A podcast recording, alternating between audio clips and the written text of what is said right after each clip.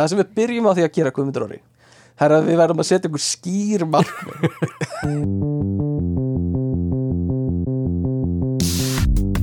Halló er eitthvað að frétta? Já það er ekkert að frétta. Já það er ekkert að frétta. Ekkert að frétta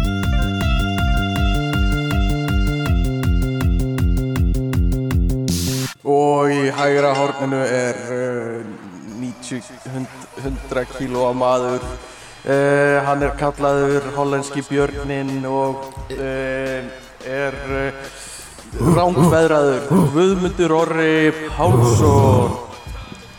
Í vinstra horninu er 260 kílóa maður kallaður uh, íslenski uh, nefal, nefin a- hann er með uh, sjö í meðal hérna einhver. Það er Stefán Gunnlaugur Jónsson. Hey. Yey Takk fyrir. uh, uh, hva, Segðu mig komið, hvað er fyrir þetta? Ekkert. Næs, þáttur er búinn er mig búinn. Við erum búin að ná allt árið eða ekki? Ná þessu rétt? Mjó, hún semi Ég ætla að byrja þáttur að smjatta fyrir hlustundur Ég er vissum að margir elski það. Við erum búin að vera Jó, við erum búin að vera svona solid í þessu. Solid í Já. að og, og það sést alveg. Hlustendur koma oft til mín út á götu og segja, þú veist, ég er helviti ánæði með ykkur. Svona Já. hnippa í mig. Svona toga Já. aðeins í fötin mín og segja svona, ég verð bara að segja ég bara sé mig knúin til að láta vita að hérna að þeir eru búin að vera helviti duglegir í að segja hvern, hvað er frétta. Og ég Sko- segi bara já, já, já, já. Já, talandi um það, ég fekk að heyra í vikunni að, að þú greinilega gefur frá þér þá orku að vera mjög steiktur. Aha ha, Þú er greinilega með mjög steiktar pælingar. Já hvað ekki með þetta? Ég hef að skilja Og þetta ekki ég er með svo grándaða pælingar. Allt byggt á En ég, vísindum. ég, hef, ég hefði ekki átt að maður, svo fekk ég að heyra Já, og svo gauðin sem með þér.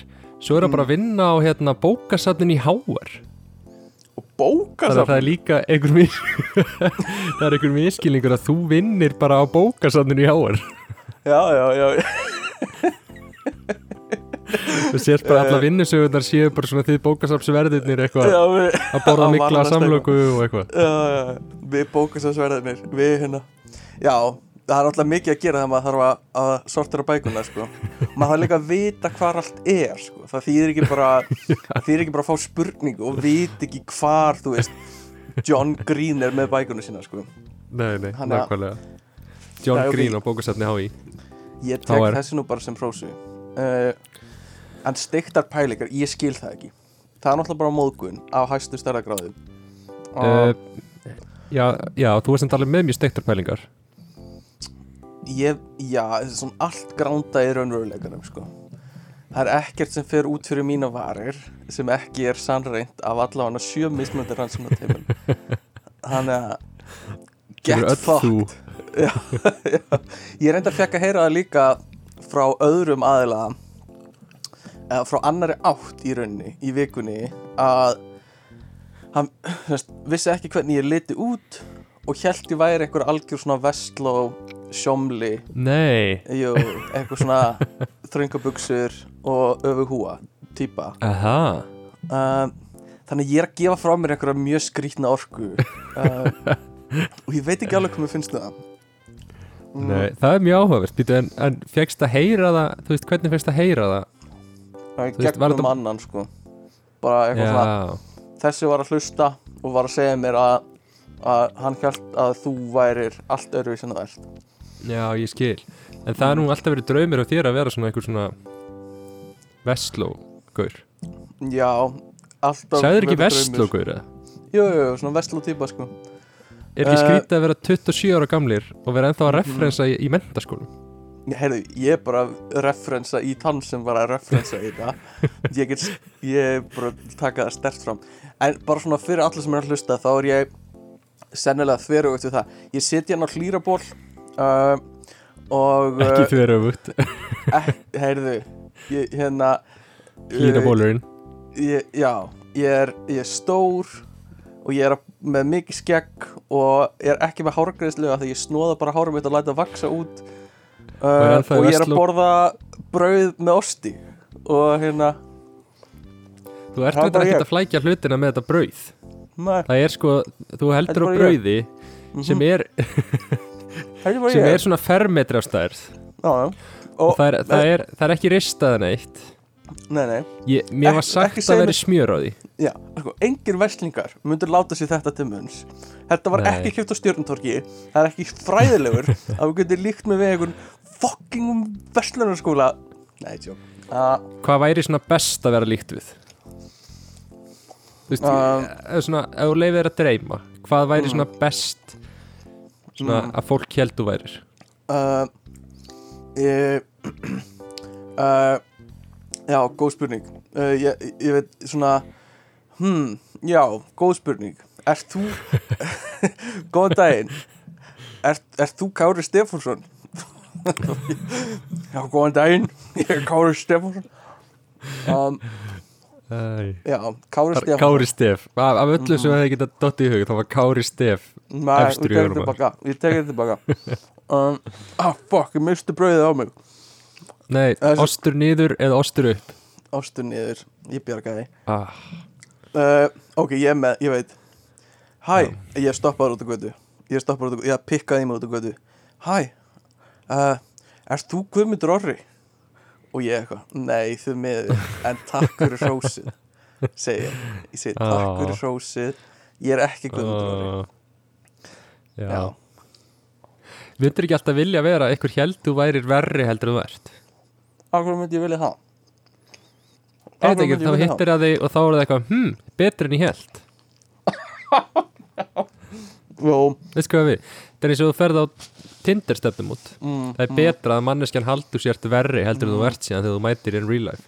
Já, því þá var hann búinn að kommitta sig í vondu útgáfuna og það er bara Já. bónus allt það góða Já, Já, mm, Jú, en ég held þú viljið samt ekki lenda oft í því af því þá er eitthvað að ímyndinu sem þú vorst að byrta fram eða þú veist, koma með fram.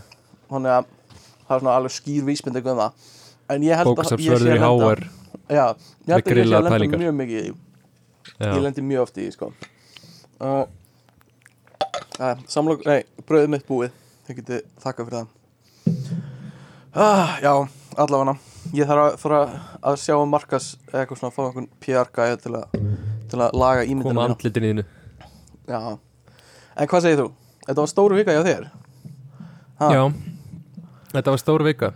Ég vil náttúrulega, það sem ég langar til að byrja að gera mm, er að þakka þér fyrir að hérna að um leið og þú vissir að ég væri í einangurinn og að fara að fá Já. COVID þá vil ég bara þakka þér fyrir að hafa heyrt í mér og tjekka á því hvernig ég hefði það síðustu þetta, já, já, bara ótrúlega góður vinur að heyri í Mhm. mér og tjekka, heyrðu, ertu orðin veikur?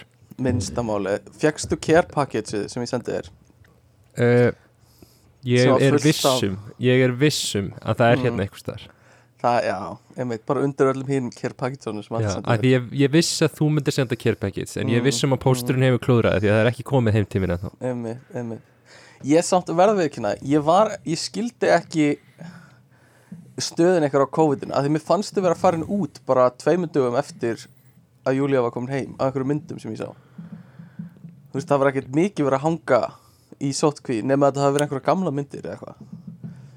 Uh, Jú, við vorum bara heima, við fórum í göngutúr náttúrulega sko. Já, ok, ok. En hvernig, hvað hva gerðist? Hvernig, hvernig var þetta? hvað er það? uh, Sko, Júli er unni bara greinist með COVID.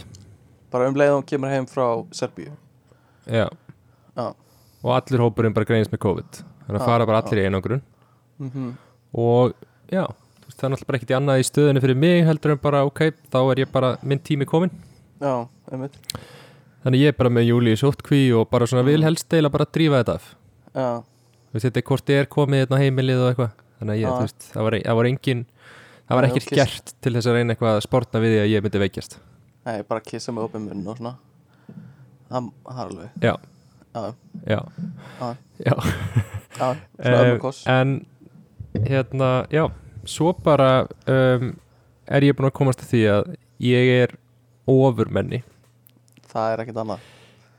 Ég er greinilega next generation genetískur. Vá. Af því að ég fæ ekkert COVID. Og ég hugsa ef að, ef að læknavísindin hefðu komist að þessu fyrr mm, þá hefði verið hægt að gefa okkur eitthvað svona passa sem hefði leift okkur að Mhm. vera svolítið frjálsferð okkar Algjörlega. Um heim. Þið, þið mannkynnið 2.0 típunar Já, Einmitt. Og, En- En, en býtu Greindur þið einhvern tíma með hraðprófi eða eitthvað svo leiðis? nei, Prófaður og það var bara alltaf neikvæð já, já, ég er búin að gera það bara tvisvara dag, bara alla daga, sko. Í alvörunni? Og Ég bara fekk ekki COVID. En, en þú ert búin að En Júlia greindist með COVID upp í munnkokinu sínu Og Já. þið eru alveg búin að vera Þú veist Sleik. par. Já, í sleik, skilur við Já, Það er magna, þá ertu bara ónumur. Ég meina það er alveg prósentur sem bóluefni virkar bara þannig á, skilur við Þetta er Já. er ekki 0% sem, sem hérna sem verða einhverja hérna laus. Það er alveg einhver prósenta. Bara til hafa ekki með það og ég vissi þetta nú allan tíman þú veist, ég er Já, búin að það? vera já, já, ég er búin að vera að hugsa til þín en ég vissi nú alveg að, að það var ekkert að, sko. Uh, það heyrði enginn í mér og tjekkaði einu sinni bara að þú, Sko, þú, þú greindist aldrei skilur, þú hérna við, þú hefði sendt okkur það ekkert Jó, það viss. Þú hefði sendt okkur á Snapchat mynd af jákvæðu prófi og sagt eitthvað eins og eitthvað svona, jæja, þá er komið að mér, eitthvað svona og þá hefði allir flokkast til þín. Nei, þú sendir Já. aldrei jákvæð próf, skilur? Nei, en ég sendi samt, þá er ég ég sagði ég sagði eitthvað svona bless bless strákar eitthvað svona ég mun sakna ykkar Já, já. Já, og við heldum bara væntanlega að þú værir að flytja til, og veistu hvað þú sagðir? hmm, hvað sagði? Þú sagðir, hm, ertu komin með veiruna skæðu? Já, já, það er nákvæmlega það sem ég sagði. Já. Já. Nei, ég sagði, er Júlía komið verið inn að skeiði? Já Mm, mm. Þannig að, En þú en þú veist Þannig að þú getur, ekki gilt, maður- þú getur ekki gilt tripa mig fyrir eitthvað sem gerðist ekki. Þú greindist Eh, aldrei með hana.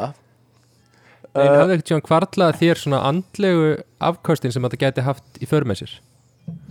Mm, Nei. Ég einn einn Mm. heima mm aleit mm.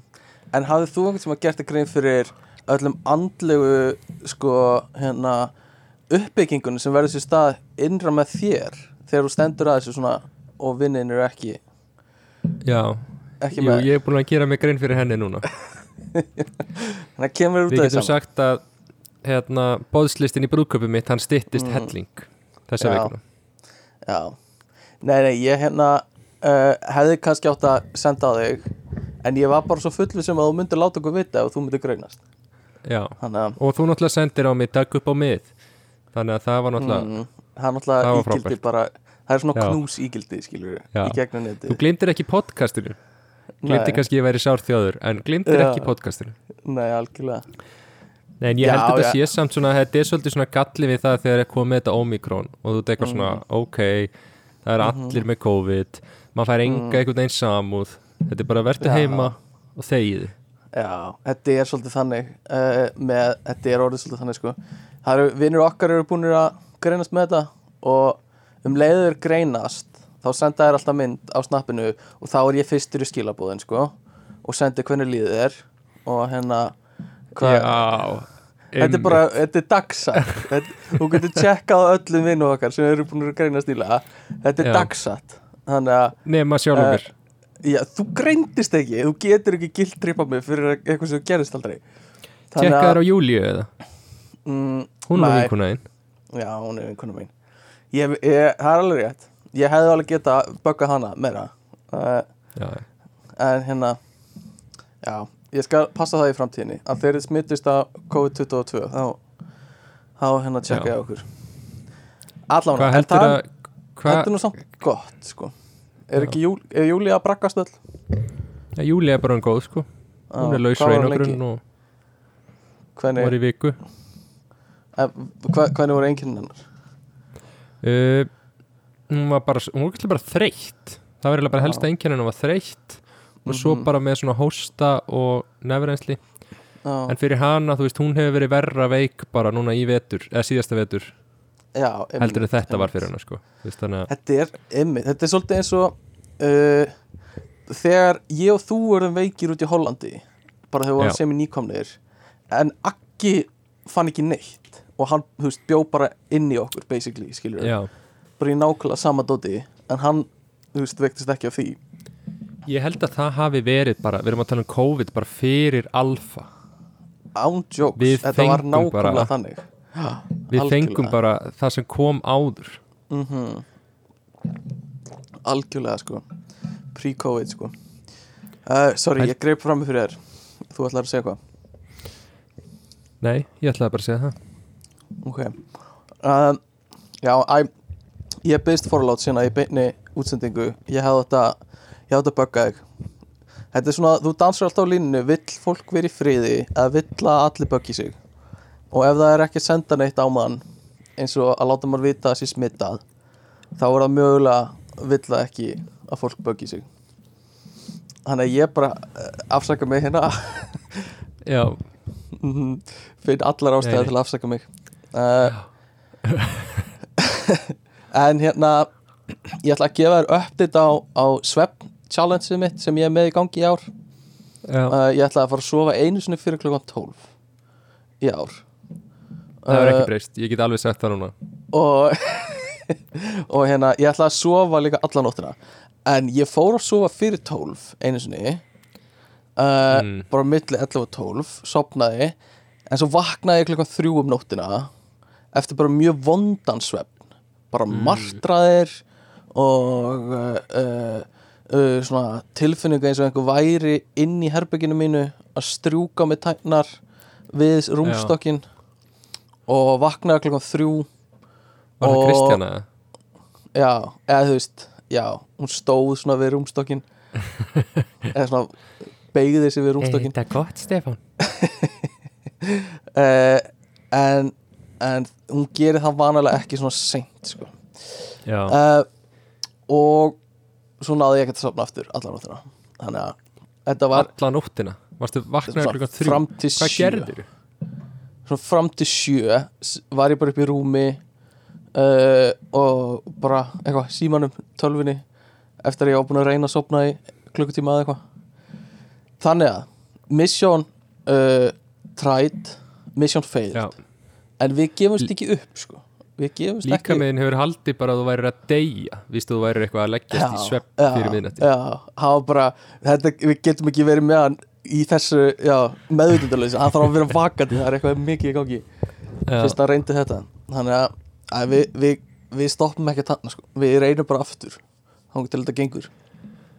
Þetta er samt Uh, nokkuð gott að sé komin ein heiðaleg tilraun sko, Mhm, það er nú bara februar mhm. sko. þú hefur alveg eiginlega 11 mánuði nefnilega, það er bara einn mánuður liðin sko. ég hef, hef hellinga tíma fyrir þetta. Það er alveg bara ofgnótt af tíma. Uh, herrðu, veistu hvað, ég fekk símtal frá Íslandsbanka líka í vögunni nú, uh, og þeir voru að segja að hérna er spurning hvort að það sé símtali sem ég fekk í þættinum um daginn líka, tengt því. En allána, það var verið að það var bara eitthvað fólk að rukka debitkortum mitt. Uh, nei jú, bara einhver að nota debitkortum mitt á síðu sem heitir wish.com sem er held ég bara svona að selja alls konar drasl síðan. Já, og Íslandsbanki hefur gripið það, séð það og hringt í mig til að spurja hvort að þetta sé ég sem er að gera þetta. Og, Vá, áhugavert. og cancelaði þá þessu að þetta var ekki ég sem var að kaupa þetta. Uh, en þá eru einhver fleira að lendi í þessu að wish.com einhver kaup eða bara einhver svona random kaup á, á debitkort þeirra. Þannig að ég mæli með að allir sem eru að hlusta uh, fari yfir færsluna sínar á kortunum og sjá Þetta ég hvort þarf að að tjekka því líka. Já, sjá hvort að sé eitthvað eitthvað ekki rétt. Uh, að því ég þurfti bara að cancela kortinu mína og fekk nýtt sko. Sem er Ég alltaf jafn gaman að að Því ég fekk nefnilega sendt nýtt kort líka.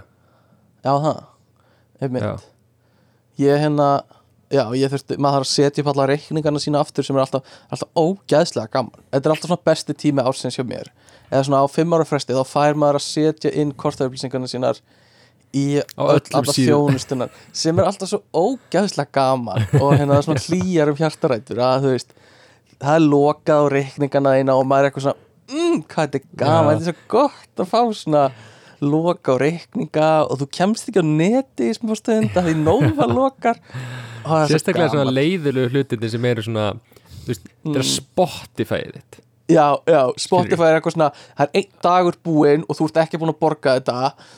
Hefði, fuck off. Það er bara, ég vil ekki sjá í andlitið að þér. Þú ert svo Og- fucking ógeðslegur að borga ekki einum degi og fucking set þannig að, þú varst að Eh. mæti rektina, ætlar að setja á lægið já, og svo bara, ó, þú þarft kortaupplýsingar og þú fattar að Já. þú ert ekki með kortið í rektinni ég, ég, kortið mitt er ekki komið það er í posti, það er ekki komið heim mm. um, þannig að ég hérna ég fekk að gera það sem var ógæslega gaman sko um, og bara, en aftur hvetja alla til að renna yfir yfirlitið sitt á kortinu sinu bara til að vera alveg viss um, þó að það hætti nú alltaf verið læg um, sástu sástu, þú fylgist kannski ekki, ekki með íslensku fréttum um, en það var elsti Íslendingurinn var að falla frá í vikunni uh, já, sem er uh, svona algjör töffari sko. Uh, mér finnst bara svolítið hérna, það kom viðtal við hana fyrir nokkrum mánuðum þegar hún var að fagna ammælun sínu eitthvað já, og það, finnst svo lúmst svona fyndin viðtölin við svona gamalt fólk. Af því það er bara, þú veist mér langar bara að deyja. Bara, er, eitthvað svona, já, já, Margrét mín, ertu ekki hress? Og orðin 110 ára? Hvernig er tilfinningin? Hún bara oh, það er nú helst bara til í að deyja sko. Bara, já, en líka pæltaðis í því. Þú veist hvað var hann að gömul? Þú veist, hund, segjum 110 kannski ekki alveg Já. en svona cirka 110 en pælti því, Mm. þegar þú ert orðin 80 ára gamal þá ertu bara orðin gamalmenni mhm, einmitt. Pældi því að lifa Mhm. jafn lengi í viðbót frá 80 ára eins og við erum búin að lifa. Já, og já, jafnvel meir en það sko.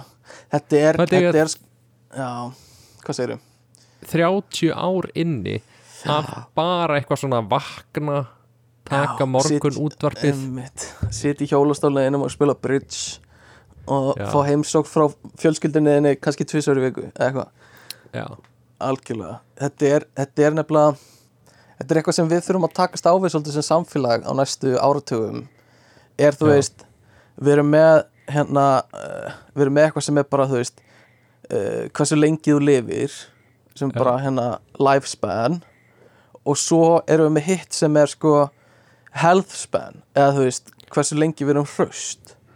Já, og þú veist, það eiginlega þýðir ekkert að lengja lífið þitt upp í lengra svona ævispan ef að, ef að heilbreyðst spanið þitt er, er ennþá á sama stað, skilur við af því þá ertu Já, bara já. lengur lifandi sem eitthvað svona semigræmiti eða þú veist, manneskja sem vill deyja, eða þú veist bara er ekki komið gott típan sko. Um, en myndu við ekki bara fara fullt í podcastið Jú, við værum bara að gefa út Patreon þætti og við værum bara að gefa út hellinga efni Það er bara væri til á dag. Pældi ég að orkust bara að setja upp að fá bara pottakallana í ykkur sundlaug mm. til að bara, herri, nú ætlum ég að mæta mótnana með ykkur. Ég ætla bara að Mhm. setja mæk hérna og ég, þetta verður bara podcast. Bara ekkert gera neitt annað heldur að þið eruð að tala um nú þegar. Já, og höfum það podcast. Já, podcastið. Sko, mér, ég, ég hef rætt þetta við Bjögga sko. Við höfum rætt svona hversu lögulegt ætli að sé að taka upp pottaspjall og, og það er ónafgreint og mættu við byrta. Nei, ég veist. er ekkert að tala um eitthvað að vera með eitthvað bara mæk bara eitthvað, eitthvað, ég er bara að tala um að stilla upp mæk og segja Já, bara, ég, ég veit, það, ég veit það, Já, já, ég veit það En við vorum að ræða þetta samt líka En jú, jú, það, það eru margar umræðir þar En rosa mikið líka á svona, jæja Já, já, hvað segir þú þá? Já, en það er líka jú. ógislega fyndi podcast já, Já. já. það er ógislega fyndi að vera með svona eitthvað svona vandræðlega þagnir Mm, og mm. small talk og eitthvað svona í podcasti Já, reyndar, það er það Ég heldur að Eh. það væri aðeins mikið oversharing Gömlu kallandi myndi ekki alveg láta allt flakka eins og gera í pottunum sko. mm, Nei, það gæti verið sko Eða maður þurfti aðeins að láta þetta rúlla í smá stund áður en það er að opna sig sko Það gæti líka verið Svona eins og við Núna erum við loksins farnir að opna okkur. Þú veist, farnir að Já. rífast hérna í beinni útsendingu. Já, við náttúrulega nakkrið um síðast. Já. Og höfum ekki talast við síðan þá. Það er náttúrulega þess vegna sem ég sendi ekki á þig sko. Það er Þess vegna þú rifrildinu sendir ekki á mig og það er ástæðan fyrir að ég var ekki með í síðasta þetti Já, það er ástæðan. Þú varst, þú varst að hugsa þig um hvort þú vildir halda áfram í síðustu viku Eftir rifrildið. Já, ég, ég, ég, já Þú varst að hugsa um hvort ég fengi að halda áfram. Ok, já, ég var að gera það. Ég ákvaða að leifa En ég er komin aftur. Ah, Því að ég hef ekkert annað að fara. sem að Já, en er eitthvað meira Þú veist, er bara búið að vera COVID hjá ykkur? Eða þú veist ég er ekki búin að gera neitt annað sko. Heldur Nei. bara COVID. Eh, Jú, náttúrulega, það er náttúrulega tvær vikur sem við tókum upp. Já, einmitt. Já Þannig að ég, ég endur einnig eftir íbúðuna Vá, Kifti ótrúlega mikið á húsgögnum.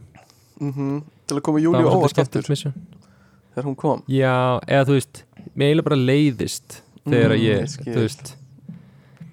E, Mhm. Já, Það er ekki eiginlega bara svona ef ég er ekki að gera neitt skemmtilegt og Já. ég vinn heima að ég var náttúrulega að vinna heima þá. Mm og svo hérna þá svolítið þarf ég að finna mér eitthvað að gera. -hmm. Og þá fór ég í IKEA. Og svo er. IKEA algjör snjóbolti sko. Þú kaupir eitthvað eitt og svo er þú veist Já, já, Það- þú verður Svo að ég- kaupa þetta út að það passar sko Þetta passar svo vel ef við kaupum þetta. Já, Já. nefnilega sko. Og ég hugsa Já. IKEA, það er, veist, það er engin búð.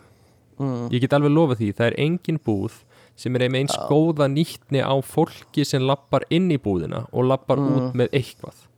Já, manneski sem fer inn í IKEA mm. og straujar ekki kortið sitt einu sinni. Mm þú veist, annarkvort ferði í matinn mm. straujar þar. Og eða kaupir eitthvað á leiðin út. Það lappar Já. enginn og skoðar í IKEA og kaupir ekki, þú veist, bara einhverja pönnu eða eitthvað. Þetta IKEA er svo magna fyrirbæri. Í fyrsta lagi er það eiginlega bara svona sitt eigið svona land af því þú veist, Já. þetta er bara svona stjórnaráð í öllum löndum. IKEA er bara alltaf eins allstaðar og þeir svo líka bara jólinn byrja. Já, já, jólin byrja í oktober í IKEA. Uh, En svo líka bara hvernig eru búin að besta þetta ferli, kaupferli sitt. Þú veist, það er bara já. það er bara, þau vita nákvæmlega hvernig þú færið einhvern til að kaupa sem mest.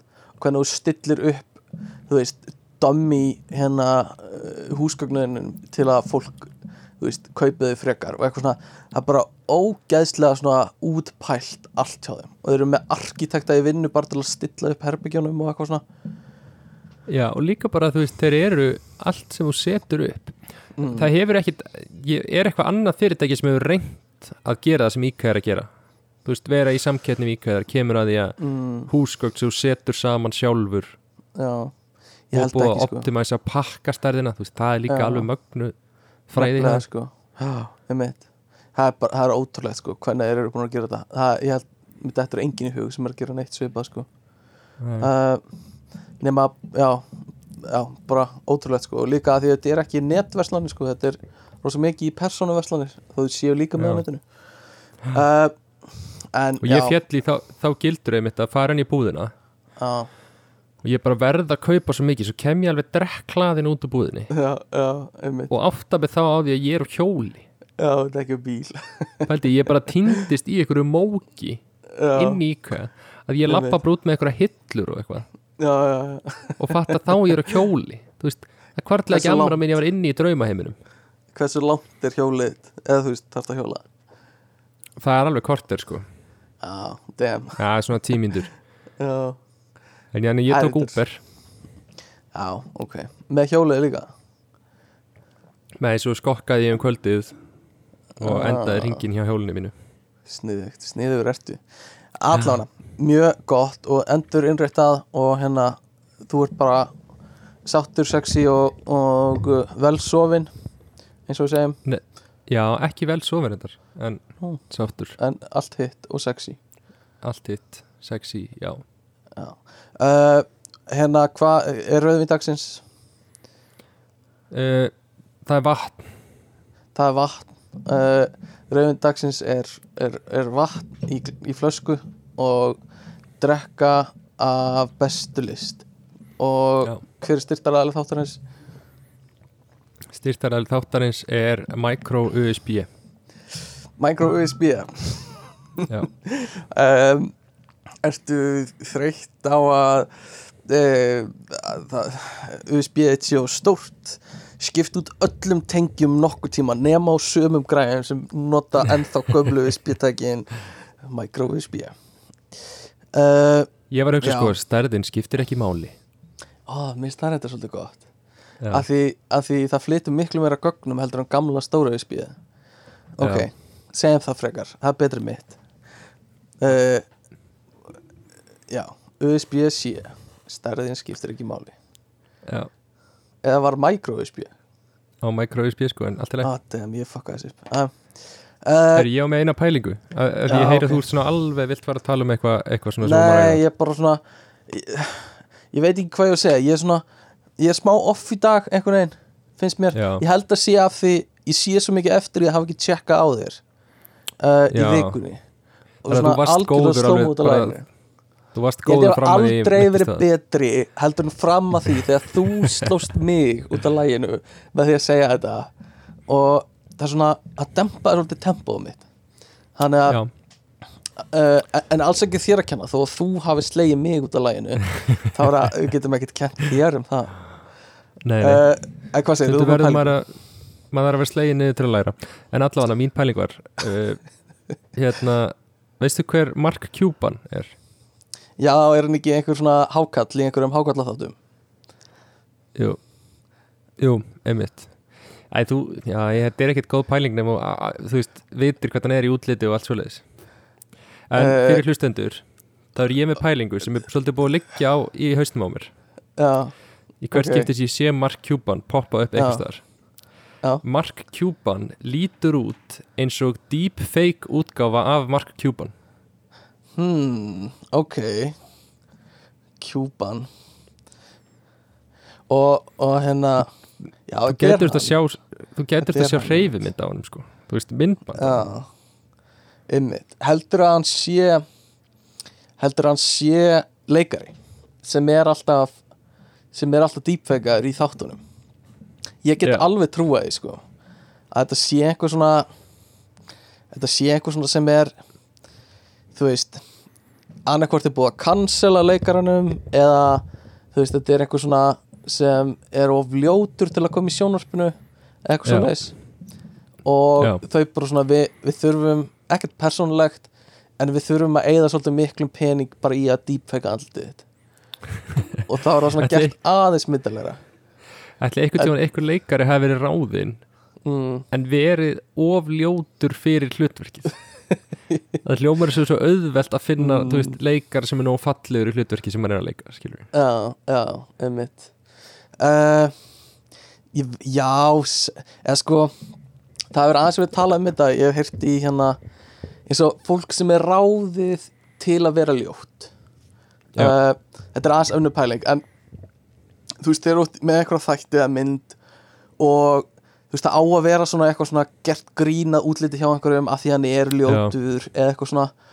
Og þú veist, er, er vandræðalegt að, þú veist, að ráða í það hlutverk af því þú veist þá Já, já. ertu basically að segja að manneskjan sem er að leika hlutverki sér ljót. Uh, og ég hef heyrt hérna leikar að tala um þetta og ég veit ekkert hvort, hvort þessi satt eða ekki en þú veist, þá tala er oft þannig að bara leikarna sem er að leika ljótumanneskuna er yfirleitt bara mjög professional og veit hvar styrkleikar og veikleika þess eru já, já, og veit alveg að það er ofta að leika ljótumanneskuna og Já, bara er sátt við það og ný, ný, þú veist bara hérna notar sér það, skilur við og hérna, væri þér ekki alveg sama? E, e, já, ef þú kastaði í, þú veist How I Met Your Mother eða How I Met Your Father og, og hérna og þú átt að vera ljótamanneskjan. já, eitthvað svona það er gert grínaði hvað ég feitur eitthvað svona um, Jú, sennilega en kannski líka ef ég er búin að vera í bransanum í lengri tíma og veit bara að þetta er það sem ég er kastaður í En þú veist, þú veist alveg að fylgja eftir alveg flottum leikurum, skilur Þú mm, veist, Jonah Já. Hill er bara kastaði til að vera feitabóla til að byrja með Svo er þetta bara, þú veist, leikari sem er Mhm. færi alveg hlutverk. Napoleon Dynamite, skilur, er bara kastaði fyrir svona hvernig hann lítur út og eitthvað Svo er hann bara já. fyndinn og verður bara eitthvað Mhm. góður í þessu þessum karakter. Það er náttúrulega hann er, aðeins, heitir. hann er aðeins yktur í Napoleon Dynamite náttúrulega, þú veist það er svona tekið einhvern sem er sláni og hann er alveg gerður af massa lúða sko. Sem er kannski svona, svona aðeins tvíka á þetta. En eftir þáttunum Ugly Betty? Já já ég, ég, það er ein- einum, einum þáttunum í æsku sem ég horfði bara religiously á. Í af alvöru einhverjum ástæðum já. það er bara Það það, og Veronica Mars. Já, Kristinn Bell. Allavega já, uppáhaldið mitt. Já, já, En hérna, í Ugly Betty, þú veist, þá er bara tekið mjög bara myndarlega stelpa. Já, Það er einmitt bara sett á hann gleru og spángir. Og Og það er spángir og, eitthvað- þú ert ljót. Þátturinn heitir Ugly Betty. Já, einmitt, Og þú veist, svo einhverju tíðbúti á lostan við spángirna og tekur af sig glerun og þá vera bara eitthvað svona Vá, hún var fallið allan tíma allan- ég vissi ekki hvernig gruna einmitt, algjörlega. Uh, líka bara þetta er oft í þáttum svona karakterar sem eru gerðir ljótir eins og eins og hérna uh, Gaurin sem leikur Howard í Big Bang Theory. Já, er alls ekkert er bara ekkert, ljótur gaur en hann er, þessi hárgreðsla er bara, ef hann væri í alvörunni, þú veist þessi karakter í þáttunum, ef Howard væri til í alvörunni, þá væri hann Já. löngu búin að fara í klippingu, eða þú veist það bara Já. ge gerir svo mikið fyrir hann að vera með Já, já. betri hárgreðslu um, en já þetta er, þetta er að, hvað vorum við að tala um uh, eitthvað með eitthvað með ljóta leikra hver er pælingi þín? Ég, já, deepfake, deepfake og Mark Cuban. Deepfake Mark Cuban Já, já, hann er svolítið bara fake sko. nei, Mm. þú, ef þú myndir horfa á myndbönd með hann, myndir þú skilja sko. Það er eitthvað svona augun á honum virka ekki í takt við allt annað. Já, ég skil, ég skil. Og ef hann er eitthvað veikur eða eitthvað þá bara þarf ég að byggja eitthvað afsökunar. En Já. ég veit það ekki. Já, þú meinar. Ef hann er eitthvað lamaður eða eitthvað, ég veit það ekki. Já, þú ert að, svolítið að svona þú ert svolítið að, að berja döðan hest hérna að gera grína veikum manni Berja þetta- þetta er svona önnur ástæði fyrir því að ég hafði ekki sambandi gumma í vikunni, hann er oft fljótur að gera grína að fólki sem á erfitt sko, og bátt, Já, þetta er svona önnur ástæði fyrir því að hérna, um, einmitt einmitt, segjum það. Um, já, en, já, þetta er góð pæling. Ég veit ég væri búin að horfa meira á Shark Tank kannski þarf ég að gera það til þess að tengja betur við þetta ég já. afsökunar. Fyrir ekki Það bara að lesa fréttir eða eitthvað. Já, ég geti líka gert það. Hérna, allavega Hver er þín helstu afreg Guðmundur? Sko Það eru svona, það er svona hlutfastlega afreg sem eru svona Mm. -hmm. þess að ég myndi segja að það var ótrúlega mikið afreg, að verða Íslandsmeistar í fótbolta skilur Já, einmitt á sínum tíma. Eða bara núna en líka. veist, þá það að var ekki- e, þú veist það var alveg afreg skilur Vaknaru ennþá og kissir medalíðan alltaf?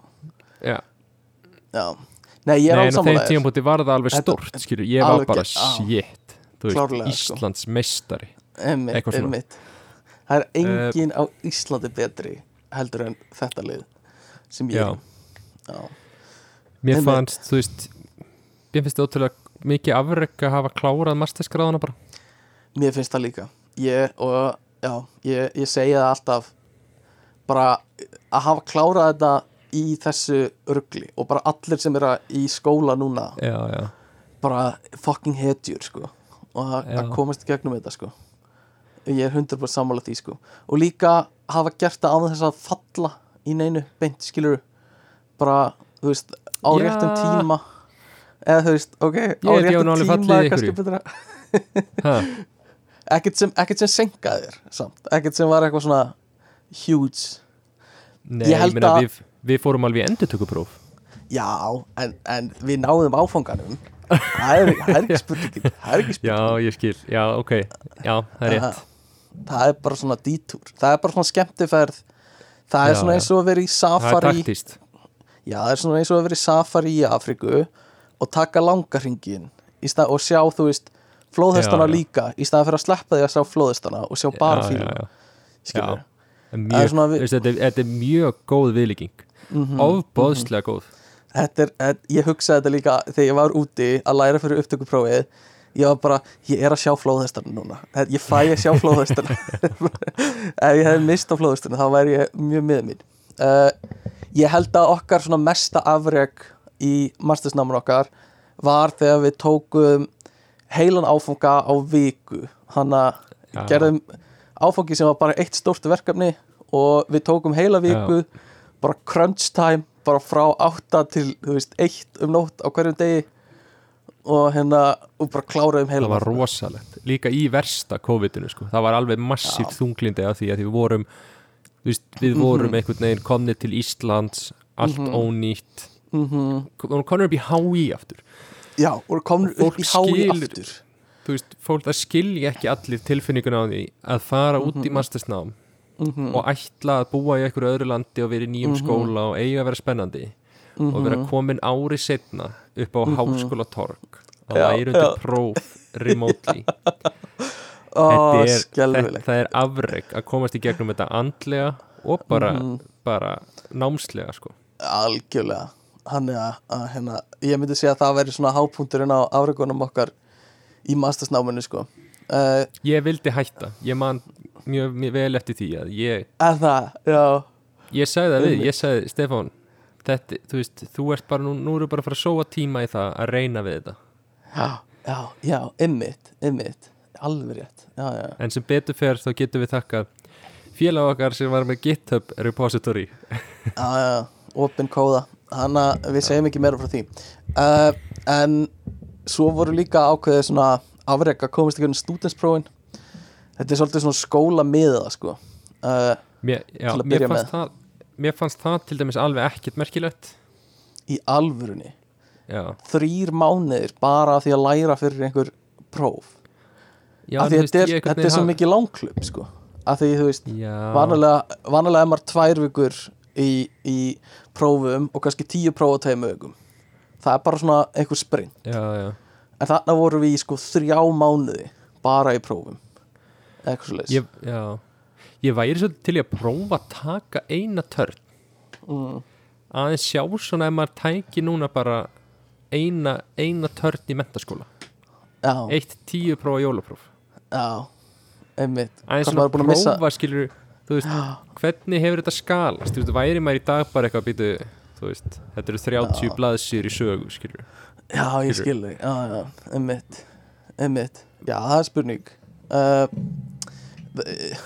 Í minningunni var þetta allavega ógesla mikið hark Já. og púl og leðilegt mm, já, og það var mjög gott mann ég að klára það sko. Uh, Ertu, hvað, varstu með eitthvað meira hjá þér á lista? Yfir já afreikjum? sko ótrúlega mikið afreg þegar ég náði í júlíu hérna Já, á þessum þarna á þessu tímapunkti. Alveg ótrúlegt sko.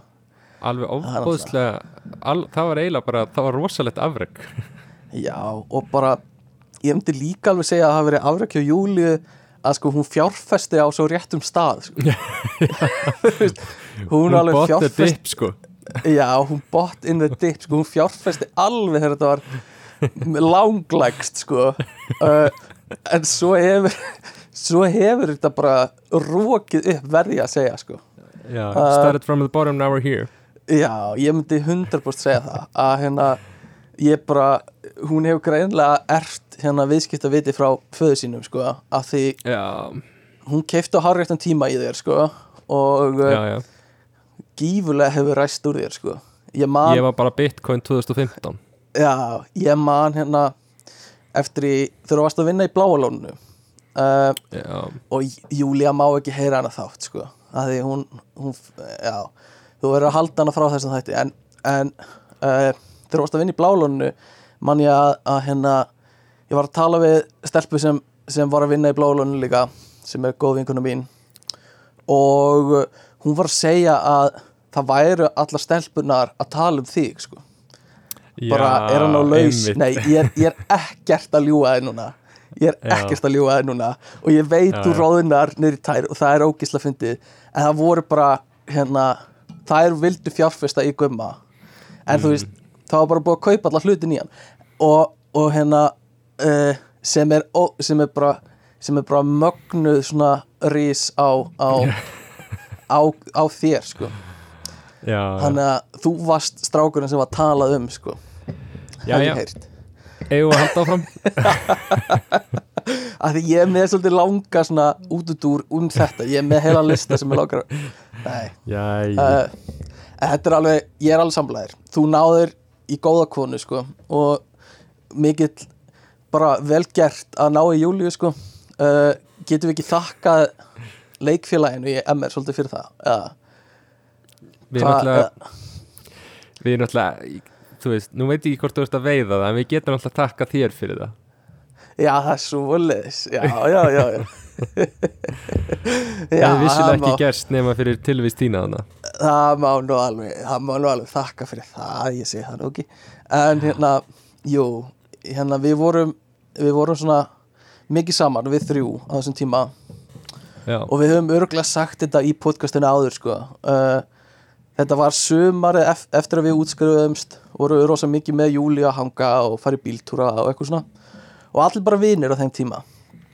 Og allir bara, engin engin byrjaði að kissast eða sofa saman nema þú veist, við öðru hverju en ekkert svona ekkert samband byrjað neitt.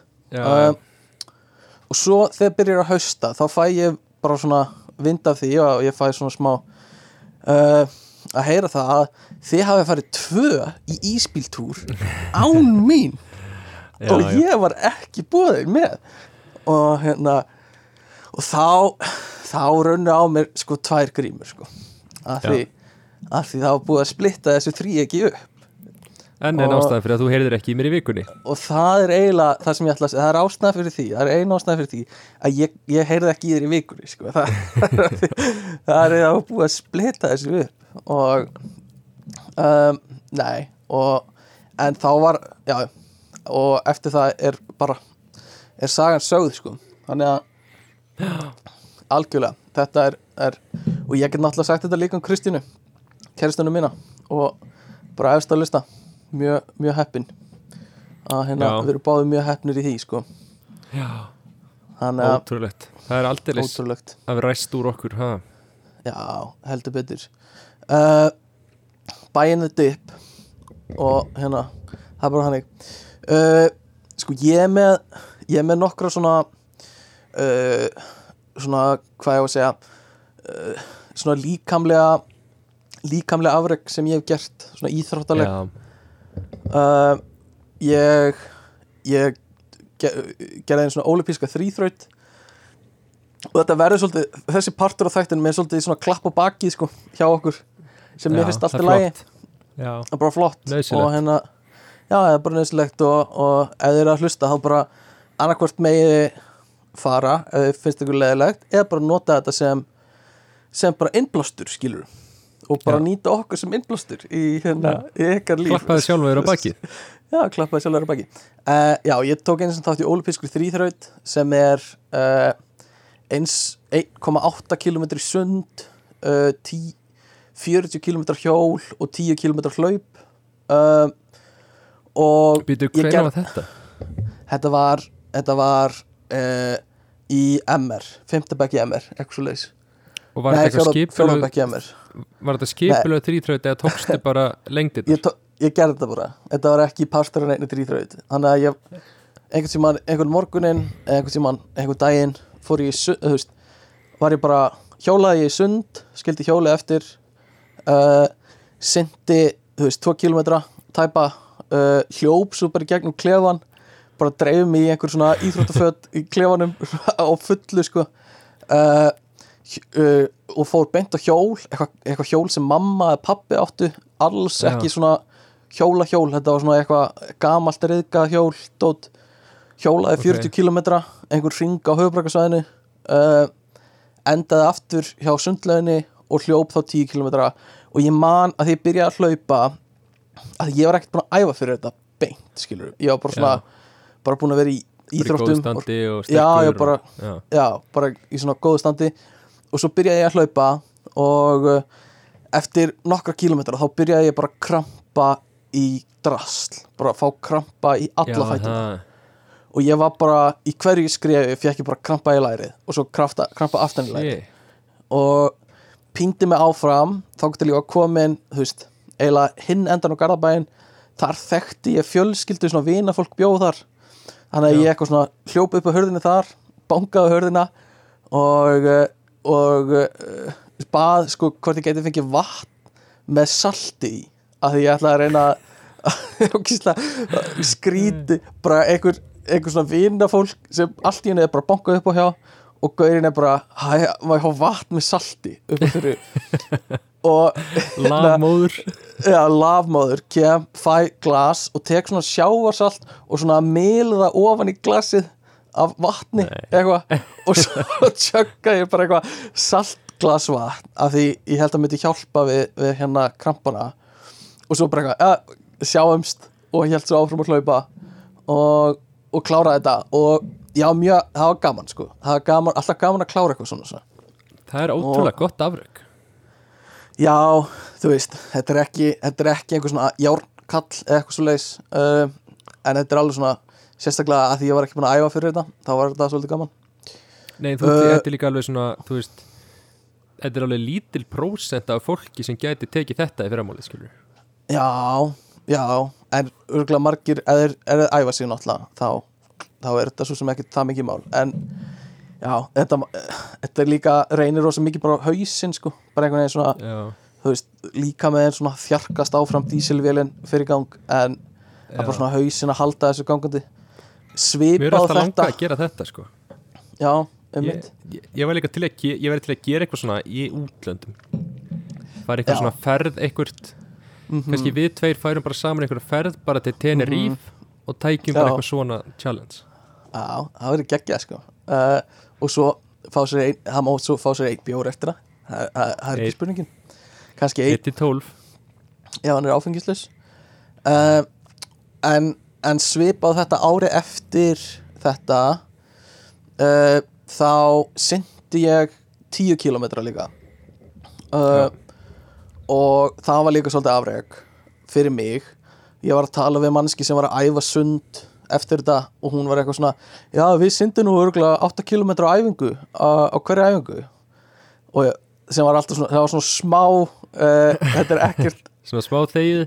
Já, smá svona þegið en hérna, ég er ekki sund ég hef aldrei æft sund, en ég hef alltaf gaman á sundi og ég sendi 10 km í lögutaslauginni ég held ég Já. að við skokkaði að hjóla í lögutaslaugina og byrjaði að synda og þetta tók mér nokkru klukkutíma uh, og þú veist, ég, ég, lær, ég ætla að læra mistökum mínum á, frá árin áður og kom með tösku fulla af geiturheiti ég bara Já. fór í hagkaup og basically bara svona sturtaði hillinu á geiturheiti Já. og í hverjunum mína bara ég ætla ekki að fá krampa þannig að ég byrjaði bara mjög snemma að- hætrita mig með geiturheiti uh, í sundinu sem Já. var til þess að ég þurfti basically að pissa á einnar ferðarfresti veist, eftir 100 metra þá þurfti ég að hlaupa upp og að fara að pissa og svo aftur Hey. syndi og þurfti að fara að pissa uh, en, en náða að klára þetta 10 km í lögðarslöginni með fullt af einhverju gömlu fólki sem var að synda við hliðina mér og eitthvað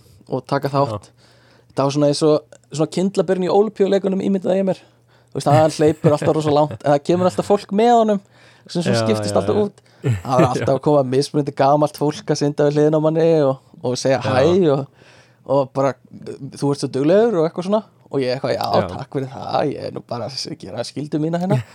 Og, og fór svo alltaf að pissa og hljóps út aftur og, og þau eitthvað, já, varst að pissa? Og ég eitthvað, "Ha, ha, ha, já, ég var að pissa já, já, þetta er nú bara það sem við gerum. En og lendur ekkert í því að- hlaupa inn, fara að pissa, koma aftur út Mm. og það er eitthvað að taka brautina. Jó, en þá, jú, jú en, en þá, jú ég, það gerist alveg, en þá bara fór ég inn á hana og bara röndi út. Þvingaði fólki út. bara þvingaði fólki út. Nei, bara á kurtesi sko. En, en ég fekk samt krampa sko, þetta hjálpa, þetta geitur í þetta var ekkert að hjálpa þannig að eftir svona 6-7 kilometra þá var ég byrjar að fá krampa í allan líkamann og var svona, svona spastíska mig í gegnum restina kilometrunum eitthvað svona með hálfa hendina lam, bara fulla krampum. En tekur, Uh, tekur bara skriðsund allaleið eða ertu svona rótar á Já. milli Nei, ég var bara skriðsindi hana sko. Ég syndi yfirleitt bara skriðsindi sko Ef ég syndi. Já. uh, Ég með, það bara he já, henda mig best sko. Já ég held að séu axlinar eða eitthvað svona það bara, við erum alltaf fundist að eiginlega auðveldast sko. Já. Ég held sko fyrir mig að því þú varst að tala um eitthvað ræktarafreg ég, mm. ég skjóti inn mínum líka. Já, Ég á eiginlega ekkit rosa mikið mikil ræktarafreg En Já, ég er svona já, aðeins nokkra móla mm -hmm. Fyrsta var sko þegar ég hérna þegar ég hljóp hálmarathon já, ymmit Það var svolítið Einmitt. Var það ekki eiginlega já, var það ekki svona næstu óvart?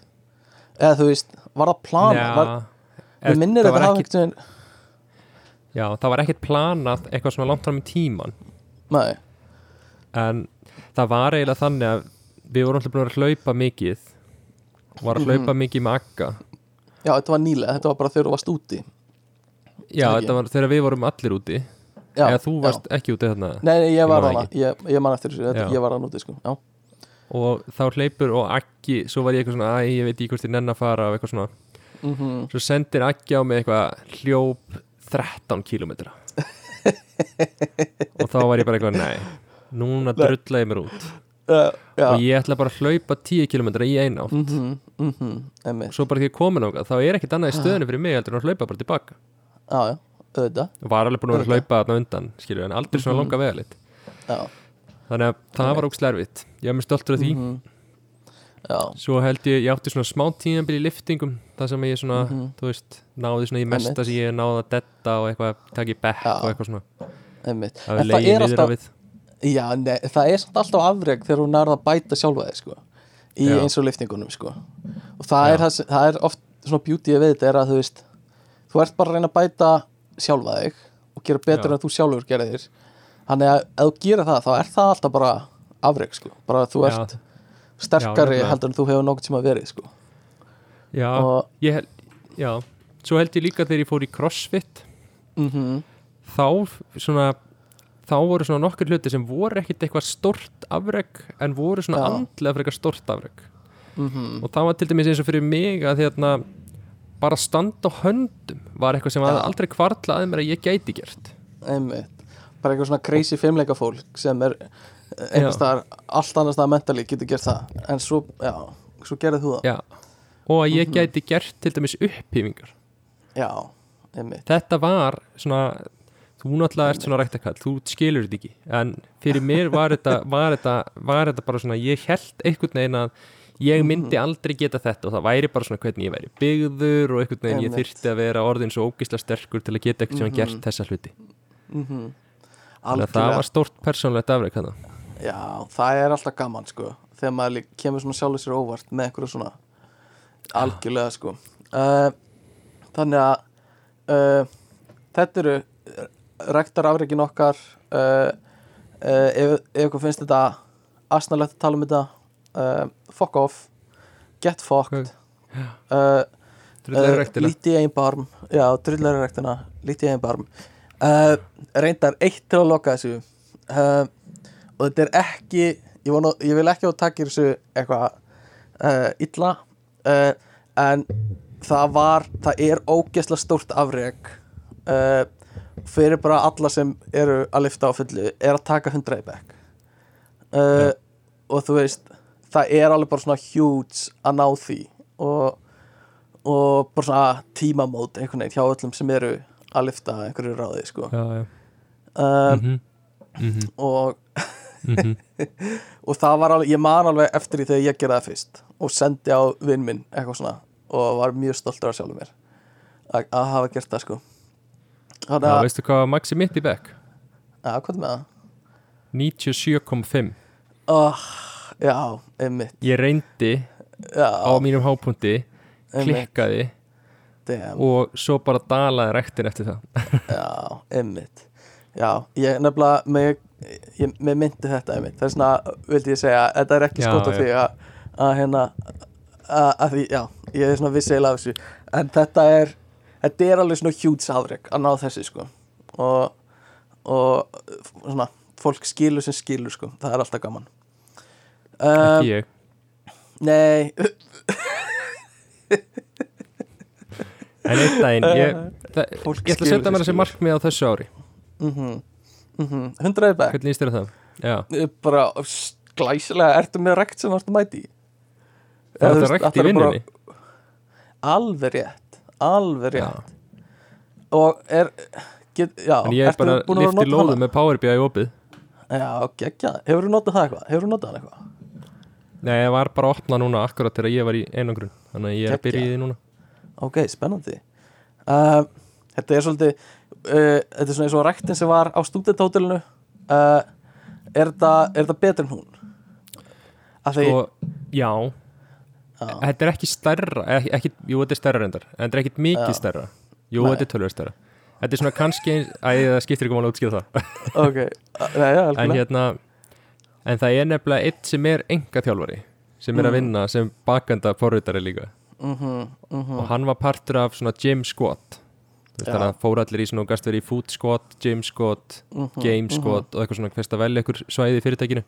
Já, þannig að hann sá til þess að þú veist það eru til dæmis, þú veist það er alveg þunglóð þarna, skilur já, og það er alveg stangir og lóð sem að þú veist, já, fólk eins og þú liftir en án þess að þurfa að taka lóðin af allir í rektinni eins og gerðir á gott. Já, að, ég ætlaði að mynda að segja það á stúdentótelu þar sem við byggum, þar var rækt en Já. lóðin voru þú veist, þó, það var ekki til nóga lóðum eins og fyrir mig til að lifta þar af því þú veist ég setti bara allt á stöngina og það var ekki nóg skilur við Já, Eh, er ekki gott að segja þetta? finnst þér ekki gott að segja þetta? þetta? Nei, ég Mér, uh, ég tek þetta tilbaka. Ég ætla að klippa þetta út. Ég, ég, ég, ætla að klippa það þetta er ekki nóg mikið að lóðum. Ókist gott að geta sagt það var ekki nóg mikið að lóðum í rektinni. Já, uh, já st- ræktin á studenthótelinu það var alveg dæmi út af fyrir sig sko. bara svona menning eða þú veist, fólki sem Já. var að mæta hana þú veist, í galaböksum og stuttum á bólum og með há, Já, já. bluetooth hátalara þegar það var tónlist í hátalarakerfinu en samt að blasta einhverju bluetooth hátalara fyrir alla og hérna Við erum Eitthvað að tala um þetta svo oft í þessum hætti sko. Já, líka bara, þetta fer svo í mig sko bara, það er almenn mannasiður í rektum sem bara þarf að fylgja uh, en allavega uh, ekki til nóg mikið að lóðum fyrir mig. Lalala, tek það tilbaka. Uh, sko, annað afreg ég er svo miklu að taka í mínu lífi af, af afregum uh, hef ekki gert neitt á æfi minni. Ég átti reyndar vinnu sumara mikla. Uh, var svona afreg fyrir mig að komast í gegnum. Það var það var svona ákveð tímabil. Þetta var uh, þetta var sumari 2017 minni mig þegar uh, ég, ég af svona einhverjum ástæðum ákvað að skrá verið í tveimur 100% vinnum á sama tíma. Uh, semst ég var þetta var fyrsta skipti sem ég var að vinna upp í HR á bókasafnu uh, já, ég var að vinna semst upp í HR í rannsóknarvinnu uh, og fyrsta bara svona forröndunarvinnan sem ég fekk uh, svo var ég líka að vinna hjá Garðabæ við að skrifa uh, söngleik já, eða, s- og, og ljóð og svona skrifa alls konar og það var 100% vinna og svo myndur þú samt alveg kalla það 100% vinnu eða?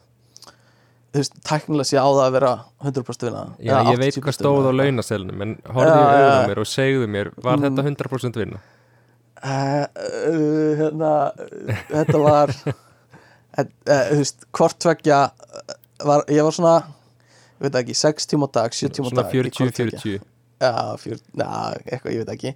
Allavega uh, og á sama tíma uh, var ég þessum tveimu vinnum og uh, svo í byrjun sumars var ég líka að kenna í háskóla unga fólksins heila viku á námskeiðum, fullt af einhverju námskeiðum þar sem var líka, þú veist 70% vinna og það þessa vikuna. Og sömu viku var svona ákveðin svona uh, svona krísa í, í hérna mínu persónulega lífi sem gerðist sömu vikuna. Já, uh, sem var svona þurfti líka að díla við. Þannig að, að svo vika var ógæðslega erfið sko. Og Já, þú veist, þú já, ert búin að kommitta þig í allt að gera allt vera partur af þessu öllu og þú veist, fullt af fólki sem er þú veist, að svona dependa á að þú skili þínu og hérna sýnir hvað þú ert að gera og, og hérna, þú veist, fullt af krökkum sem bara eru búin að borga fyrir að vera í háskóla unga fólksins og þú veist, það hefði verið sendt heim ef, að- ef að það hefði ekki verið kent og eitthvað svona og, og svo bara svona allt í gangi einu. Og það var alveg svona bara mikið afreg einhvern veginn að komast lifandi gegnum þá viku sko. Já, já, já. uh, þannig að svona mikið afreg fyrir mig persónulega uh, Varst þú með fleiri afreg hjá þér?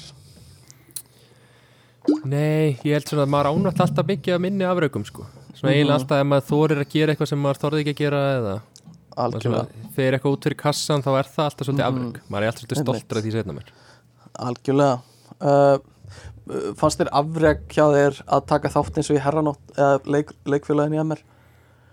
Já, en mér fannst afraugið var í raunin að setja mig í þá stöðu að geta mögulega verið hafna Já, einmitt. Skilurðu? það er alltaf stórt. Þú veist, Það er veist. alltaf afreg út af fyrir sig að þú, leggur því í það sko.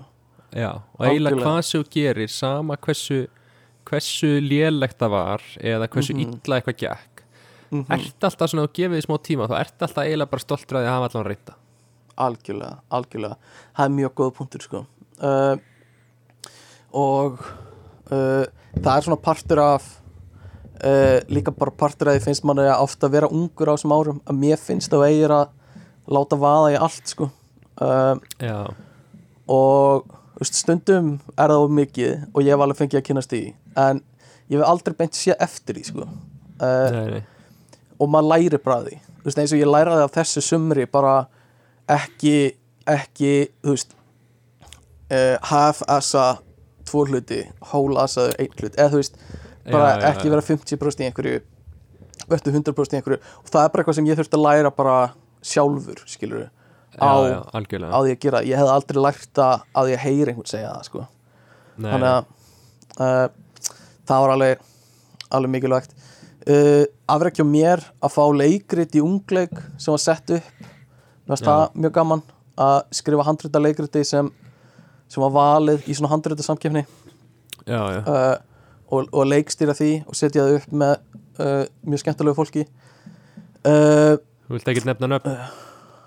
Jú, ég get alveg nefna uh, Ég hérna fekk Friðrik vinn minn sem þorir Já. ekki að koma í podcastið. Hann, hann hérna hann vil ekki koma í podcastið. Ég ætla að halda áfram að reyna samfara hann en það væri mjög gaman að fá hann held ég. Uh, uh, Sindri Engilbertsson sem var í spurningaþættinum okkar mjög skemmtilegur. Anna-Lísa sem var í spurningaþættinu líka uh, mjög Já. skemmtileg. Mhm. uh, svo var Andrea Urður var aðeins með okkur. Og svo engin annar held ég. Nei, veit Við myndum það líka. Nei, tjó, Guðmundur var með líka. Og Já. það var ógæslega gaman. Þetta, allt, þetta var mjög skemmtilegt ferli og ógæslega gaman að Já. Að vera í því. Og já, það var bara virkilega gaman allt. Uh, svo hérna uh, finnst mér líka bara afreka þetta podcast sko. Bara að að hérna, þú veist, vera komin þetta langt í því að það sé enginn að hlusta skilur það, þú veist, það skiptir einhver máli þannig sé fyrir mér. Bara einhver sé að hlusta og ég fæ alveg oft skilabóð bara eitthvað, ég, finnst ógeðslega gaman að hlusta þannig þátt uh, þó séu fá, skilur, þá finnst mér alltaf mjög gaman. Já, Og- Allt Kristjana. Nei, Kristina hlustar svona á suma þætti, hún hlustar ekki eins mikið og margir aðri sko. Nei, uh, nei, nei. en hérna það er alltaf mjög gaman. Uh, og afrekja mér líka að fá tíu í samrönduprófunum þetta er svona stórt afrekja í mínu lífi. Já, uh, ok. og ég lifi svolítið á því ennþá með þetta rammaðinn í herbyggi og, og uh, þetta er ennþá ferilskránu minni líka. Já. hérna, efst á ferilskránu nei, ég er Ég- að tjóka, ég, fe- ég fekk ekki tíu. Ég fekk ekki tíu samvættu prófunum Fyrst ekki tíu. Mér var svolítið stórt þú fæst hérna tíu í hérna hérna ég mani þú fæst tíu einhverju. Ég fekk tíu í nokkrum í mastersnáminu ef við erum að tala um það. Já, já. Nei, ég var eitthvað að hugsa um tölvutekningu. Ég var, já, já, ok já, allavegna Nei, og deep learning Það var líka svolítið töff tíu mm, já, það er Það var töff tíu, svolítið- algjörlega. Já, algjörlega, við getum rætt tíuna mínar í allan dag, sko, ef við viljum gera það. Það er ekkert að rætt stoppa mínar í sko. svona 15 sekundur uh, já, uh, en við skulum kannski salta það og, og halda áfram. Uh, Ertu með einhver afreg sem þú verið til í að gera á æfinniðinni eða þú veist, uh, hvað svona afreg verið til í að áorka? Um, Ég væri til í að stofna fyrirtæki. Já, og Einmitt. svona, sko ég væri til að stofna fyrirtæki og þú veist, mér er einhvern veginn svona, þú veist, auðvitað myndi mér langa að gera það og þú veist, langa að gera eitthvað stórt fyrirtæki eða eitthvað svo leiðis mhm, mhm en það er meira svona, ég væri bara til í að stopna eitthvað sem að ég horfi einn daginn yfir eitthvað svona skrifstofu og hugsa bara svona, Mhm. hm, þetta, ég stopnaði þetta Já, svona þegar komi úr því að vera bara ég og vini mínir eða eitthvað já, og þetta er orðið svona eitthvað, herði, einmitt. það er bara hérna alveg tíu Mhm. manns á launum Mhm. út af því sem ég stopnaði Og jafnvel að fólk viti af fyrirtækinu þínu út í bæ sko. Ekki eitthvað svona að þú sért endilega uh, hæstur á fastegnamarkaðinu heldur bara svona já þetta er gummi úr gas analytics. Eitthvað svona að, að það er komið í svona einhvern veginn circulation bara nafnið á fyrirtækinu. Gas Analytics er, þú veist, glæsilegt. nafn. Nei, bara glæsilegt nafn. Gas Analytics. Ef að hlustendur eru sammálu með að þetta sé frábært nafn þá með að láta okkur vita Gas Analytics einhvern tímann- Data Science Já, fyrirtæki. Það kemur eitthvað svona önnur svona, hérna, The Great Hack nei, hvað heit hún, Big Hack, hvað heit hún? The Great Myndin? Hack. Já, æ, hérna, myndin um, hérna um Já, Cambridge, Analytica. Já, Cambridge, já, einmitt, einmitt. Gas Analytics. Það væri svona, Hún, svona myndi heita fyrirtækis- myndi heita The Gas League veist bara og fjallar um hvernig gögni voru til að gaslæta alls konar umræðu. Já, já, einmitt. Þannig að hérna, já, það er næsta mynd hjá, sem kemur út. Um, Ég er alveg sammála því. Mér langar að- að stofna fyrirtæki sko. Um, Þó að það feili ekki sannlega sko. Þá Já. bara er, heldur maður áfram að stofna nýtt fyrirtæki. Eins og Þorstein í Plain og Vanilla það er bara, þó að fara á- öll fyrirtæki fara á hausinn, þá bara heldur áfram og, og stofna nýtt. Já, það er líka hérna- mjög þekkt í hérna í Kaliforníu er mjög þekkt sko í raunin að þú verður eiginlega meira cool ef þú átt mörg Mhm. fyrirtæki sem þú ert búin að keiri þrótt mm -hmm, að því á Ísland er það smá skömm já, það er algjörlega svona, ég er þessi ekki búin að keira hérna alveg nokkur fyrirtæki Mhm. alveg í gjaldþrótt en Mhm. úti í Kaliforníu þá er þetta vist svona, þú veist, svona, Mm. þú ert cool svona startup-gaur, skilur Já. búin að En alltaf er koma það þér aftur á stað er það ekki svolítið þannig á Íslandi að því íslensku fyrirtækin eru öll bara eitthvað svona Jón Gunnarsson pípulagnir og eitthvað, kerði það gjössalega í þrótt það er Já, já, kannski aðeins mjög töff ef það er plain, plain vanilla töluleikir fyrirtæki. Æ, ég veit ekki, en ég er alveg sammálaðið sko. Það er, þetta er svona í bandaríkjunum sko, alveg. Og það er betri svona einhvern veginn atmá fyrir fyrirtækjum sem gangi ekki vel, af því það er bara skilningu fyrir því að stundu gangi ekki svona startup upp bara af, ekki að því fyrirtæki er ekki gott, heldur bara af því þú veist, það er einhver annað sem, sem gekk ekki upp, sem er hægt að læra af og koma betri tilbaka sko. Já, ég meina ég er búin að setja mikið á rekstri á hausinn sem er ástæði fyrir okkur í þurft að flú- flýja land. Já, já, þetta er bara, veist, bara skiptum kennitölu og taka nokkur ár í útlöndum og koma svo bara Já, sterkur inn á nýri kennitölu. Ég vann einu með gæja sem var með þessa pælingu. já, Mér fannst svo áhugavert að heyra þessa hlið Hann var sem sagt búinn bara að taka eitthvað kredialán og var bara gjörsalega Já. skuldur upp á bak sko. og hann, seg, hann var bara eitthvað, nei, þú veist ég nenni ekki að pæla í þessu, ég fer veist, ég lýsi við gjaldtróti, ég ætla að fara Já. til Greiklands, það er Já. vinnu minn og ég ætla bara að fara og vinna þar bara okkur bar og ég ætla bara að vera Nice. að jamma á eitthvað og svo bara tekið tvö og svo kemur ég tilbaka og ég er ekki með skuldir og ég var bara, bara þú veist, þetta er svo pældi pældi að briljant. vera langt leittur þegar þú ert í, í alvörun í þessum pælingum. Ekki eitthvað svona, ég veit að þetta er möguleiki. Mhm. heldur þú ert bara eitthvað svona skiptir einhver máli, ég geri Einmitt. þetta bara. En þetta er líka, þetta er nákvæmlega það sem Ólafur Ragnar ætlaði að gera í fangavaktinni þáttunum. Hann fór Já. upp á þjóðskrá og var að byggja um að fá að skipta um kennitölu í þáttunum sko. Kennitölu. sko. já, já. Ég ætla, ég ætla að skipta um kennitölu. Get ekki fengið Já. það nýja nei, Þú þarf ég ekkert að borga? Það er ég í fangilsið Já, bara frítt matur og húsnæði Vá. Uh, Ef maður hugsa um það þannig. Já, Það er bara snilt sko. Uh, Allavega uh, Ég væri til í Ef við setjum okkur afrök fyrir þetta podcast Að fá tíu ókunnar hlustendur. Ég væri mjög, það væri mjög sexy sko hlustendur sem við þekkjum ekki sko eða hafa ekki beinar tengingar við okkur sko. Telst með þú þekkir einhvern og ég þekkir hann ekki. Já, við, nei, nei, nei, nei, nei. Ó. bara þú veist bara manneskir sem hafa engin tengsl við neitt af þeim sem er að stýra þættinu beint sko. Já, en Eh, munum við einhvern tíma að vita? Nei, jú, ef einhver hefur samband um mig sem ég þekk ekki og eitthvað svona hæ, hlusta á þáttinn eða, eða byrja að follow okkur á Instagram eða eitthvað og hérna Já, við höfum ekki tengingu við. Uh, eins, og, eins og komið er held ég ég þekki alla sem hlusta eða veit af öllum sem hlusta. Svona Já. veit að það er einhver tengingar. Uh, mm. þannig að tíu, tíu ókunnu hlustendur væri ekki ekki það um, Mér langar að gefa út plötu með, með að, svona tíu lögum sem ég sem. Uh, Ég hugsi ég eigi svona fjögur upp í plötuna. Uh, Það er sex í viðbót og það verður bara sex í viðbót að ná því. Og um, lokalagi sexy viðbútt sex í viðbót verður lokalagið og hérna, Ég er sexy viðbútt já, lokalagið verður sex í viðbót og eftir það gef ég út smáskífu sem er með sex lög sem verður Já. sex í viðbótin sko. Og hérna, Nei, þá er þetta stóra plata væntalega sexy viðbútt já þú meinar. Já þú meinar.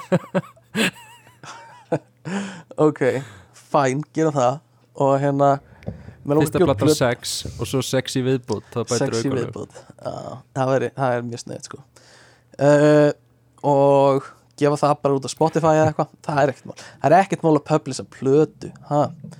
uh, mér langar að skrifa leikrit svona í fullri lengt og setja það upp. Uh, það væri mjög gaman. Þó það verið sett upp þú veist, bara hvar sem er á einhverju leik, leiksvið uh, bíómynd Við skrifa Já. Hva, hvað? Við ætluðum erum við að, við, erum við ekkert að taka tannhjóli þarna? Er, er þetta bara einræða á þínum, þínum Nei, nei, hlutum? nei, nei, alls ekki, ég bara Ha. ég vildi ekki að kemur þögn, ég var ekki viss, ég vissi ekki hvað ætlar að segja Nei, stundum er bara svona sem podcaststjóri þá er gott Mm. að leifa aðeins þeim sem er með þér að tala líka Já, þetta er líka eina ástæð fyrir ég hafði samband í vikunni, sko. Þetta er svona, það getur verið svolítið svona samskipta örðuleikar hjá okkur sem svona, ég reynir Já. stundum að forðast á krítiskum típum uh, en ég vil bara ítrekka það aftur að við erum að taka þetta í kringum netið og það er smá delay þannig að oft veit ég ekki hvort að gummi allar að segja eitthvað eða ekki. Þannig að Já. stundum held ég bara áfram. Ég vil bara taka það fram fyrir alla sem eru að hlusta. Ég hérna stundum, stundum er það þannig. Já, Komin eitt disclaimer Eitt disclaimer í þessu Já, netti það, er ekki þáttur nema þessi disclaimer sko. En sko, Uh, en, samt svolítið leðild Ætlar að fara alltaf áfram með það? Þú ætlar að fara alltaf Nei Þú varst bara að vera að byrja áfram með listaði Nei, nei, nei, nei, nei En sko, að því að mér langaði líka. Mér langaði bara líka að gera plötu sko Ok, er mögulega eitthvað samstarf sem er hægt að gera hana? Ha? Já, ég var slegið svona alvöru plötu sko. Ekki Ah, eitthvað ok, svona mm, Um, En mín plata allt í henni ekki alvöru. En við ætlum að gera Mm. söngleik. Já, við ætlum að gera söngleik. Og hérna uh, Já, það er alveg eða á dagskrá. Mín, mín, mín vegin Mín, mín vegna uh, Það er eitthvað sem ég held að til dæmis Það er eitthvað svona þegar við erum, að tala um senustu 30 áruna lífinu 80 til 110 ára. Já, Þá er góðu tími svo til langar mig svolítið að gera bíómynd sko, eða skrifa þáttaserju líka Já. sem væri mjög gá... Nei, ég er að grínast, ég er að grínast. Ég, hérna, klára þú? Ég var að tjóka Já, Nei, nei, sa- lagi. Nei, endur taktu þess að sagðir. Ég, þetta Nei, nei, lagi sko. Það er ekki, við þurfum ekki Guð. Nei, nei, Nei, gummi, hættu, hættu. Ég var að grínast. Kottu með það sem, Nei, mér langar að tala um það. Af nei, það skiptir ekki máli. Nei, þetta verður eitthvað sem við hérna Við hérna nei, ég tek bara Hættu að rífa Já, hann er að rífa hérna e, blaðsíðuna sem hann var búin að skrifa. Um, Og hann er að skrifa nýja blaðsíðu. Stefán var leiðilegur í podcastinu. Stopna eigið podcast Já. Afrek Þessi Stefán fær aldrei að tala. Um, En já, sko eh, Söngleikurinn okkar uh, Já, Var alveg svona uh, Það er eitthvað sem við ætlum að klára Og munum klára einhvern tímann já Það er alveg, alveg klárt mál Og þó það takki okkur 20 ár Við þurfum, Já. ég held mögulega flöskuhálsin hérna mm. sé það að við erum ekki komnir á þann stað að annar okkar sé búin að kaupa einbýlishús og búin að innrétta bílskúrin sem professional Mm. studio Já, það er flöskuhálsin okkar það, það, getur, það gerist ekkert fyrir að koma þangað sko. Um, Jú, jú, það er alveg góða punktur og hérna uh, við notum það bara sem afsökun ef við þurfum sko. það er alltaf gott að hafa hann svona bakveirað en, en þetta strandar náttúrulega líka bara því að ég þarf að klára handritið sko, að söngleiknum. Uh, og þá getum við farið að, að dútla í lögunum. En platan þín, segð mér meira frá plötunni þinni. Hún verður ekki með sexi viðbót. Nei segð, mér meira. Býta mm Ég þarf vel að ná í vasklas að svo leis þannig að, Guðmundi fyrir að næri vasklas Fylgtu bara inn í, inn í þögnina. Ok, við fyllum inn í þögnina. Mér langar svolítið líka að hérna gefa, að skrifa þætti að bíamynd og ég er að, ég er með hugmynd í hausnum sem, uh, sem mér langar að skrifa um. Af því ég var að vinna sem jólasveit nefnilega í, uh, og hef vunnið sem jólasveit í svona, eitthvað, 6-7 ár uh, á jólunum. Og mér langar að skrifa þætti um uh, um það sko, af því maður á write what you know, sko, skrifa um það sem þú veist og þekkir. Og mér langar svolítið að skrifa um uh, að leika jólasvein þætti. Og ég með alveg svona, svona, svona frekar skýra myndi hausnum á mér hvert það á að fara. Og hérna gefa út sko þætti á aðvendinu alltaf. Þannig að þú veist, það er einn þáttur á hverjum aðvendisunundegi og svo á aðfangadag. Þú svona í vilt eða bara jóla. gera jóladagatal e, Já, en samt ekki veist, beint, en jú, samt sem í svona að, í aðtröðandi jóluna og uh, langar svolítið að skrifa það. Uh, og þú veist, já, það er svona par, þe- þetta er svona það, það er svona skapandi sem ég langar að gera. Uh, áreiki mín sem ég langar að áorka. Uh, Varst þú með eitthvað meira hjá þér? Nei. En þið langar alltaf að skrifa bók. Þú ert að gleyma því. Já, jú, já, ég er með það reynda sinna, það er góð punktur. Uh, Gefa út bók uh, og mér langar eiginlega að gera gott betur en það. Mér langar að gefa út tvær bækur vegna þess að þá kemst í rithöfundasambandið. Já, og mér langar gífurlega að vera í rithöfundasambandið Ég held að þetta sé eksklusív klúpur þar sem Já. er ógislega gaman að vera og ég held að þetta sé upplugt félagslíf í þessu. Og þú veist, Þetta er eitthvað kynsvall Það er 100% já, að jamma með hérna Jón, Stef, hérna, Jón Kalmar. Stefánsinni og, eh, og hérna Pappa einu Þórgni þráin sinni já, og pappa og eitthvað svona. En það væri alltaf rosa gaman að að komast þangað sko. Þór Gnýr Þráinsson. Þórgrím en við getum alveg kallað hann Þórgni Þórgni og hérna Þórgni þrándi og já, mér langar að gefa það sko skrifa bók. Um, ok, ég er með svona ég er með svona íþrótta afreg líka sem ég langar að áorka. Og segð mér hversu raunhæftir finnst þetta? Ok, uh, að því ég er kraftlingamæður og ég hef svona tölur í hausnum sem ég langar að- taka uh, í kraftlendingum uh, og en á sama tíma langar mig að geta hlaupið hálmarathon þú veist, mér langar að klára að lifta einhvern daginn og svo bara fara beint út og hlaupa marathon.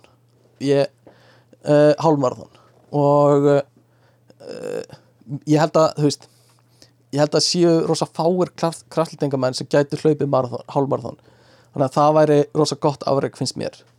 Uh, þannig að mér langar að geta tekið sko 200 í back 300 í beig og 300 í detti og henda fram í lóðunum og fara í hlaupaskó og svo byrja bara að skokka og klára hálmarathon erum við að tala um bara eina liftu það já, eina á Þú hverju vilt bara eina á hverju og svo hlaupið hálmarathon já, já, af, af þessum þingdum sko. Og ég- heldur þú myndir ég- taka þetta í þessari röð? Þú myndir taka fyrst alla lifturnar og svo hlaupa? Já, já, já, alveg klálega beigja, bekkur, dead þessari röð og svo fara út að hlaupa. Og ég er nokkuð sem að það séu mjög fáir í heiminum sem gætu gert þetta sko. Þannig að, uh, ég er ekki viss um að þetta sé hægt sko. En það væri mjög töff að geta náð þessu sko um, mér langar líka að hlaupa marathón einhvern tímann. Það væri líka eitthvað sem mér langar að gera sko. Uh, og alveg svona, það er smá stúpid að hlaupa marathon þetta er svona, þú veist ert komin að þetta level þá ertu ekki að græða á því að hlaupa svona mikið sko, frekar að rífa niður líka með mm, Ég meina, hvað, Ég þessar má- kraftliftingarna þínar, hvað ert þú að græða því? ekki neitt sko maður græðir ekki á neinu sko. Lífið er svolítið tilgangslust og við ættum eiginlega ekki að, að hugsa í við ættum eiginlega ekki að gera neitt á æfin okkar. Það er allt Maður græðir ekkert. Maður græðir ekki á neinu sem maður gerir. Það er ekkert skipti máli. Um, maður lágar að eignast hús einhvern tímann, það væri alveg afreg uh, og þú veist, við erum búin að borga upp lánið. Þannig að átt húsið þetta er, uh, ógeð, þetta er alveg ógeðslega boring. Boring afreg oh, ok. Er það ekki? já, ok, ég skal ekki segja mér langar ekki að eiga hús. Mér mér langar að eiga niður- súpervillu mér langar að byggja súpervillu Nei, en bara eitthvað ég, ég vil vera búin að borga niður Þú veist hvað er þetta, verða eitthvað moment Þú ert eitthvað síðasta greiðslan. Síðasta greiðslan mín. Rétta ávísunna eru síðustu auðranir uh, nei, nei, ei, þetta er stúpid. Þetta var asnalegt. Ég tek þetta tilbaka. uh, þetta er líka einn ástæði fyrir ég hafði ekki samband í vikunni. Það er oft skotið niður alls konar sem ég segi sko. Það er oft erfitt að að reyna að vera hérna einlagur sko. Já. Uh, En eigum að hætta að tala um þín afreg og tala kannski um eitthvað annað? Ok, fine. Uh, uh, sko hvernig á maður að afrega eitthvað? Er stóra spurningin. Og það eru margir sem eru að hlusta þáttinn og hugsa vá hvað þeir hafa afrega mikið í sínu lífi þeir hljóta eða eitthvað leindarmál sem þeir búa að til að afrega allt sem þeir hafa afregað Já. Ertu ekki að hugsa það? Ertu ekki að hugsa Jú. það líka? Ég er að hugsa það líka mm. og, og hérna hvernig verð ég eins og þeir þessi þáttur er svo mikið rugl þetta er bara við Já. að tala um hvað við höfum gert og hvað við viljum gera og æ, fuck it, við erum alls sama En þú veist, ef, ef ykkur er að hlusta núna og er búin að hlusta á einn og hálfan tíma á þessu mm, hvað er þú að gera við lífið þitt? Hvert þú að gera? hefur ekkert betra Þú veist, horfða þessi einn barm já, horfðu í eigin barm og hérna, já, allavega Jó, þau, og nú, ok, núna farið að læra hvernig þú gerir þetta, sko. Um, Það er alltaf mjög mikilvægt að setja sér skýrmarkmið þegar þú ert að reyna að áorka einhverju. Nei, nei, nei, nei, nei. Aldrei setja þér markmið sko. Markmið eru bara til að bregðast Þannig að eins og heyri, þú veist, við guðmyndur erum líka alltaf á sömu blaðsíð með það sem við erum að segja hérna. Þannig að, að hérna, verð, já, uh, skýrmarkmið í því svo þú ert að gera. Vilt þú Ert þú bara að gera eitthvað í lífinu og svo bara kastar Já, mitt- einhver í veggin og sér hvað, hvað stættur eftir? Já, mitt motto er aldrei setja þér markmið. Mm, Ef þú þarft að setja þér markmið mm settu það eins látt og mögulega þú getur. Ok, ok. Þannig að þú munt ná þeim. Einmitt, einmitt, einmitt. Og aldrei, þú veist setja sjálfaði upp til þess að mistakast inninu Aldrei Já. stilla þér upp í þeim aðstæðum að það geti mistakist Nei, aldrei. Já, Eins og til Einmitt. mjög gott markmið á þér að fara einu sinni fyrir miðnætt að sofa. Já, einmitt. Sem er samt alveg háleitt markmið sko. Það, er alveg, það er alveg En ég skil hvað meinar Ok, þú get, þið getur gert eins og Guðmundur er að stinga upp á Að bara svona slysast inn í að ná einhverju. Eða Þið getur reynd að setja skýrmarkmið já. í lífinu. Og Skýrmarkmið í bútaði niður í minni búta. Mm, mm. uh, Kóttu með þetta, lest þessa BuzzFeed grein. Ég get sagt nákvæmlega allt sem þú ætlar að segja. Ok, ok. Taka markmið, þú ætti að búta það niður í minni búta Og þú ætti að Eh, skera það þannig að þú Ekki Já. hafða það þannig að það geti svona aðeins feilað á þeim En samt haldið Mm. áfram. Ekki setja þau of ströng og eitthvað svona. Einmitt, ekki, ekki ákveða úr allt í hérna hætt að borða allt sem er óholt. Uh, nei, nei, settu þið skýr markmið. Er, er það þess að þarf að gera. Er eitthvað meira á listanum? nákvæmlega- Það er bara að mjólka þetta. Uh, uh, sko uh, það sem við byrjum á því að gera Guðmundur Orri Það er að við verðum að setja ykkur skýr markmið. Og við verðum að vita að hverju við stefnum. Þannig að það er ekki nóg að segja bara ég ætla að hérna, ég ætla að eignast ég ætla að eignast fleiri vini eða eitthvað. Þú voru að segja ég ætla að eignast tíu fleiri vini sem, sem, hérna, sem allir eru vini mínir og elska mig. Og hérna, ég ætla að hætta að vera einn alltaf. Og hérna, ég ætla að hætta að vera einmanna og ég ætla að eignast tíu vini. Uh, og uh, þegar þú komið skýrumarkmiðið einn skrifaðu niður. Og sumum finnst gott að setja þau upp á einhverja töflu eða eitthvað svo leis og næsta sem þú þarfst að gera er að leggjast í sjálfskoðun og setja þér skýr markmið. Nei, hérna er að, er að reyna að átta þig á uh, uh, styrkleikuðinu þannig að þú ert að vita hvar styrkleikar þínir liggja. Og hérna þekkja sjálf Guðmundur er að deyja á að, en hann er að deyja á leiðendum að því hann setur sér ekki nú skýr markmið. Það er alveg klátt mál. Æjæjæj. Stefan Eh, Peterson já, já, já. Uh, og svo verður að átta það á hindrunum sem eru í þínum vegi sem eru á milli þín og eignast tíu vinni þannig að segjum að það séu uh, hvað er í vegiðinum að segjum að það séu að hérna mamma þín bannar þér að fara út úr húsi alltaf. Mm. og hefur gert það síðan þú varst tveggjára þú hefur ekki mátt hitta. Já. Og já, það er líka eitt af, eitt af því sem er í veginum þú ert ógeðslega leiðilegur og það nennir enginn að tala við þig. Já, en þú vilt samt eignast skýr þú vilt eignast tíu vinni þú vilt, vilt eignast tíu vinni já, já. Ok, þannig að þú veist hvað stendur í vegi fyrir þér þú ert ógeðslega leiðilegur og mamma en leifur er ekki tala við fólk uh, Mhm. en þú vilt eignast þessa tíu vinni af því þú ert með skýr markmið þú ert með mjög skýr markmið. Uh, og þá þarf það að búið til plan. Og uh, býr til plan og skrifa það niður á töfl uh, Guðmundur er að sopna uh, og, og til planið þitt sem gæti verið eitthvað eins og ég ætla að adda 500 manns á Facebook það hljóta allavega tíu að samþekja mig.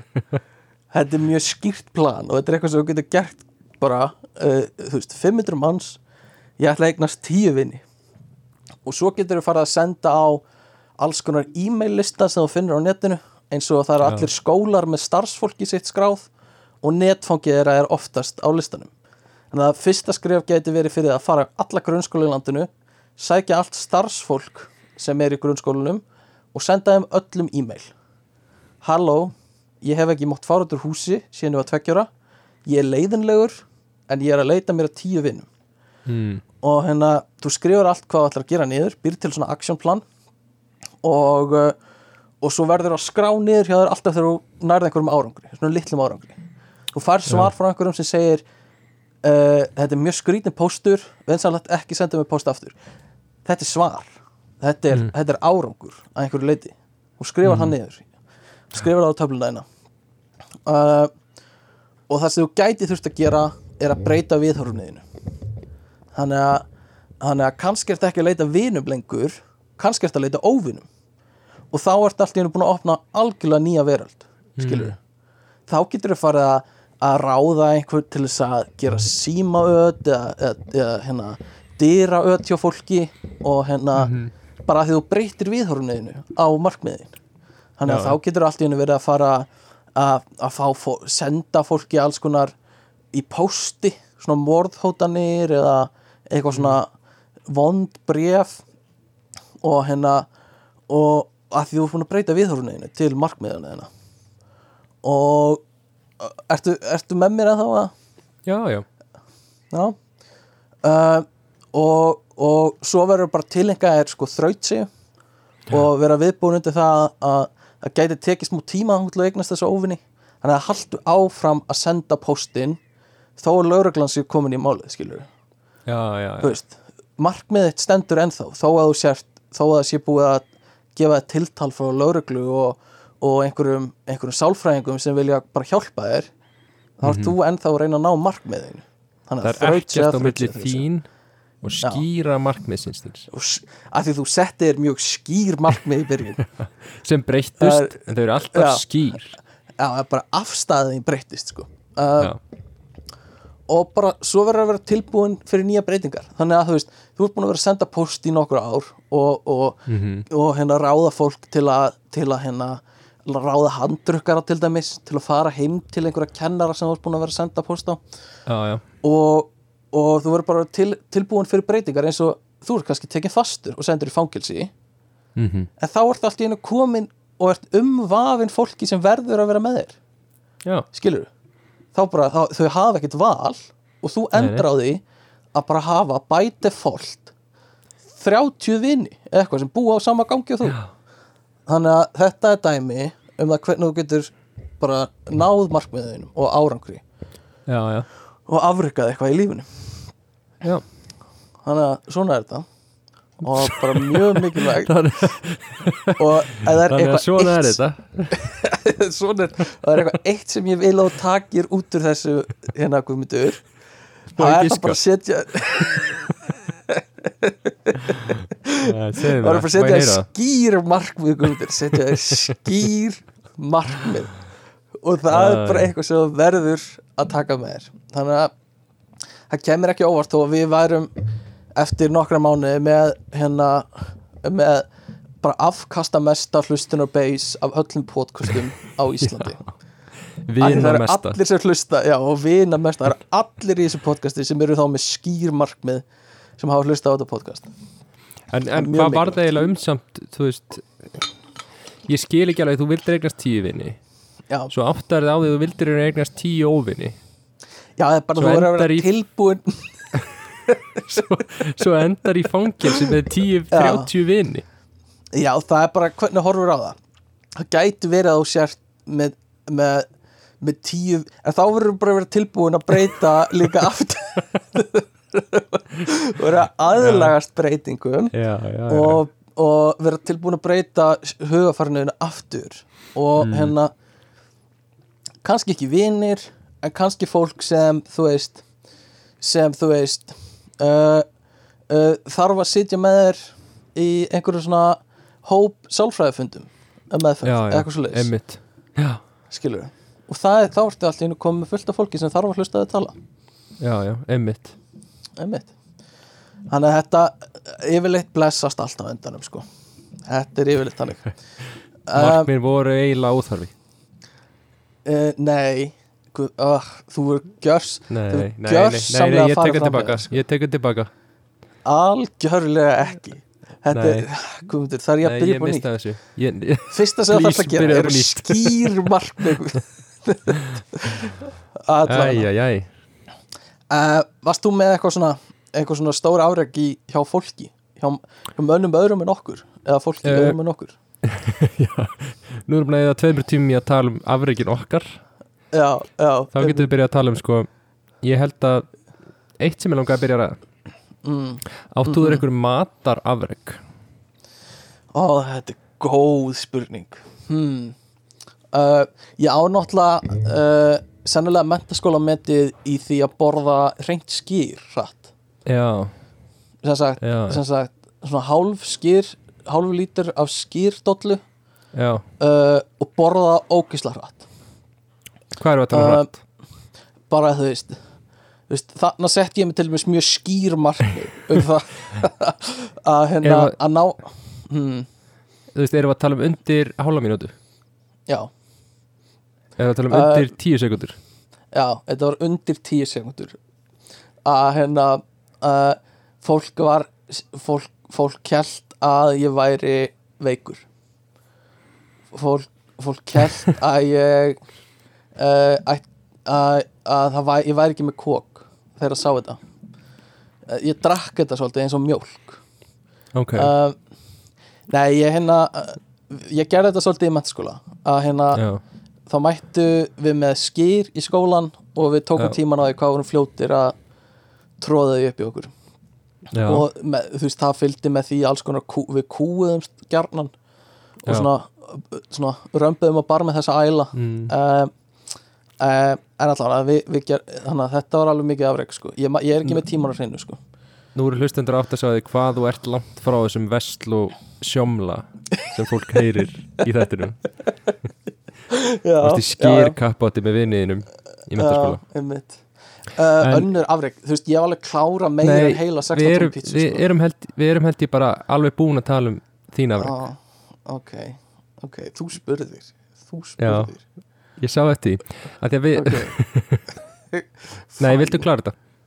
var bara tjóka í- ég er ennþá að jafna ég- eftir þetta þarna að þú heyrðir ekki í mér Já, ég veit það Ég veit það. Ég, ég, ég sé mjög, mjög mikið eftir því. já, um, um, Nei, ég hérna Þú veist, jú, jú, ég borða fullt, sko.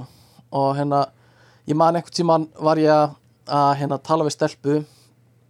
Um, og, vinkonarnar var þarna. Ég var eitthvað að hitta þessi stelpu og vinkonarnar var þarna og hún var uh, og það voru eitthvað að grínast og eitthvað svona að tala um eitthvað svona hvað stelpan sem ég var að hitt kvöldum hana bara hérna tinnu Sandra. eða eitthvað, Andrea og eitthvað svona grínast að Andrea hún borðaði svo mikið, hún borðaði heilan Oreo pakka, kekspakka hérna á einu kvöldi eitthvað svona ha ha ha, alveg svakalega Andrea að borða heilan og Já. ég eitthvað svona, já, vá, ógislega mikið eitthvað svona og hugsaði bara hm, ég hef borðað sennilega svona þrjá Oreo kekspakka á heilu kvöldi og, og hérna uh, og eitthvað með því. Þú ert ekki eins og horfa á mig. Mér líður Jú. svolítið jú, ég er að horfa. Ég er bara, ég er Já. að renni við bara listan minn hérna á meðan. Ok, ok. Um, allavega, þannig að, að hérna mér leið svona er mikið að borða heilan Oreo kekspakka já, af því það var einhvern veginn á allt öru skala heldur en ég hafði upplifað þetta. Já, já. Uh, mér líður svo astanlega að tala um þetta. Þetta er eins og eins og ég sé að gera eitthvað gett mikið úr því að ég hafi borðað keks. Þetta er bara svona þetta er bara svona svo- versta martru að þurfa Er- að tala um þetta. Ei, að, Þú ert búin að svo Að- lengi að að, þér- segja þetta núna að þú ert búin að gera meira Já. úr þessu. En það er af því af því að þú ert búin að vera að horfa einhvern annan skjá. Skýr markmið. Að það er að að þú ert búin að vera að horfa einhvern annan skjá og ég held ég þurft að fylla upp í einhver hérna döðaþögn allavega ekkert merkileg keksa þetta er bara eina, þetta er bara drop í hafið af öllum keksunum sem ég á. Það er bara ég get talað um keks í allan dag. Þannig Það að er hverju að klára ekki einu svona í keksur ég hef ekkert meira að segja. Við erum allir sama. Ok, ok, allavega um, mm. Það er einn maður hérna sem heitir, hefur heyrt uh, nafn, nafnið Michel Lotito. Já, Já, þú hefur heyrt það nafn. Já, ég hef heyrst Veistu hvað hann, veistu hvað hann borðaði sem var mjög merkilegt? Mjög merkilegt achievement. Já, ég veit það. Ok, hann, hann, þetta er málumjéttarinn sem borða flugvélar. Er það ekki? og eh, Jú, í alvörunni? Í vissir það? það? Það var bara giss, þetta var svona educated guess. Djöfitt, Já, ah, ég er svolítið ánægð með þetta var afrek Já, takk fyrir það. Er þetta gæði sem borðar mál? Já, þetta er gæði sem borðaði mál. Og hann borðaði heila flugvél. Get fucked. Guðmundur. Leðild að segja frá sér sögu núna. Get fucked Djövill Allavega, fyrir ekki Held- Ég ætla ekki Heldur allir sem er að hlusta núna hafi verið bara eitthvað Já, þetta er málmgæðin að borðaði flugvél Halda áfram. Já, já, já, pottit Bara akkur er um að segja eitthvað frá málgæðanum sem borðaði flugvél? Við vitum þetta. Nei, þetta, er samt fucking magnað. Ég las til Ripley's Believe it or not á sínum tíma. Já, La, Las hana gæja. Uh, Já, já. En segðu mér frá honum, af því ég man ekkert eftir honum. Sko hann allavega tók í sundur og borðaði heila hérna Cessna 150 flugvél. Ég skil þetta ekki þú veist. Ah, ég, ég, hvað ertu að fá af, ha, eða þú veist, af hverju? Ég veit það ég ekki. skil, ég bara skil ekki hvað er í gangi þegar þú ert komin að þennan stað? Uh, þú veist Já, já. allavega, já, já. Og hvað? Þú þetta veist, ekki illa með meldinguna þeina eða hvað, þú ég veit það ekki. Þetta er gæði sem er að borða málm allt lífið sitt. Það og hvernig gera hann þetta? Þú veist, En ég meina ef hann tekur bara nógu litla bita Getur ekki alltaf Já. kúkað þessu út? Jú, þú veist, ég, það hlýtur að vera En þú veist Tyggur hann þetta? Kingir hann þessu beint? Er bara svona spurningar sem ég er bara svona Já, ég meina, Ég skil ekki. Já, alltaf, já, ég veit ekki. Já, Ég veit Þetta- ekki, hann hlýtur að bara kynkt skrúu í hvert skipti eða eitthvað, ég veit ekki. En, En ég alveg mér, mér finnst þetta magna sko. Mér finnst Já. mjög gott dæmi um, um svona sko. Um, En fyrir mig eitthvað aðeins eðlera Hvað heldur þú getur borðað mikið af majónesi á 8 mínútum? Það er nákvæm tala. Um, uh, Giskaðu bara, þetta er ekkert gaman að tala mikið um þetta. Giskaðu bara. Nei, nei, uh, Gunnars ég borða Gunnars stollu á svona tveimur og hálfri. Ég gæti borðað kannski kannski lítir af Ok. majónesi. Metið 3,5 lítur það er viðbjóður. Þetta er ógist því. 3,5 Ándjóks. lítur af majónesi. Þetta er bara svona dunkur af stórri majónestollu. Já, og getur þú ímyndað líka þegar þetta legur niður hálsin á þér og þú ert búið með þú veist, þú ert búið með 20% af þessu og hugsa bara, já, 80% eftir já Og ég held að vandamál þetta lekinu er hálsina þess ég er að síðasta sem að þú ert að díla við þarna sko. já, sennilega og ég En síðast- já, Síðasta Já, afrek. Mhm. síðasta er Hvað heldur þú getur borðað marga pulsur á 10 mínútum? mm, mm, ég gæti borðað svona 5 5 pulsur og tímyndur já, Það er óslega basic samt. Já, já, Þú veist, Það er ég bara tek þrjár á 10 mínútum bara, þú veist, bara aðeins að reyna á mig.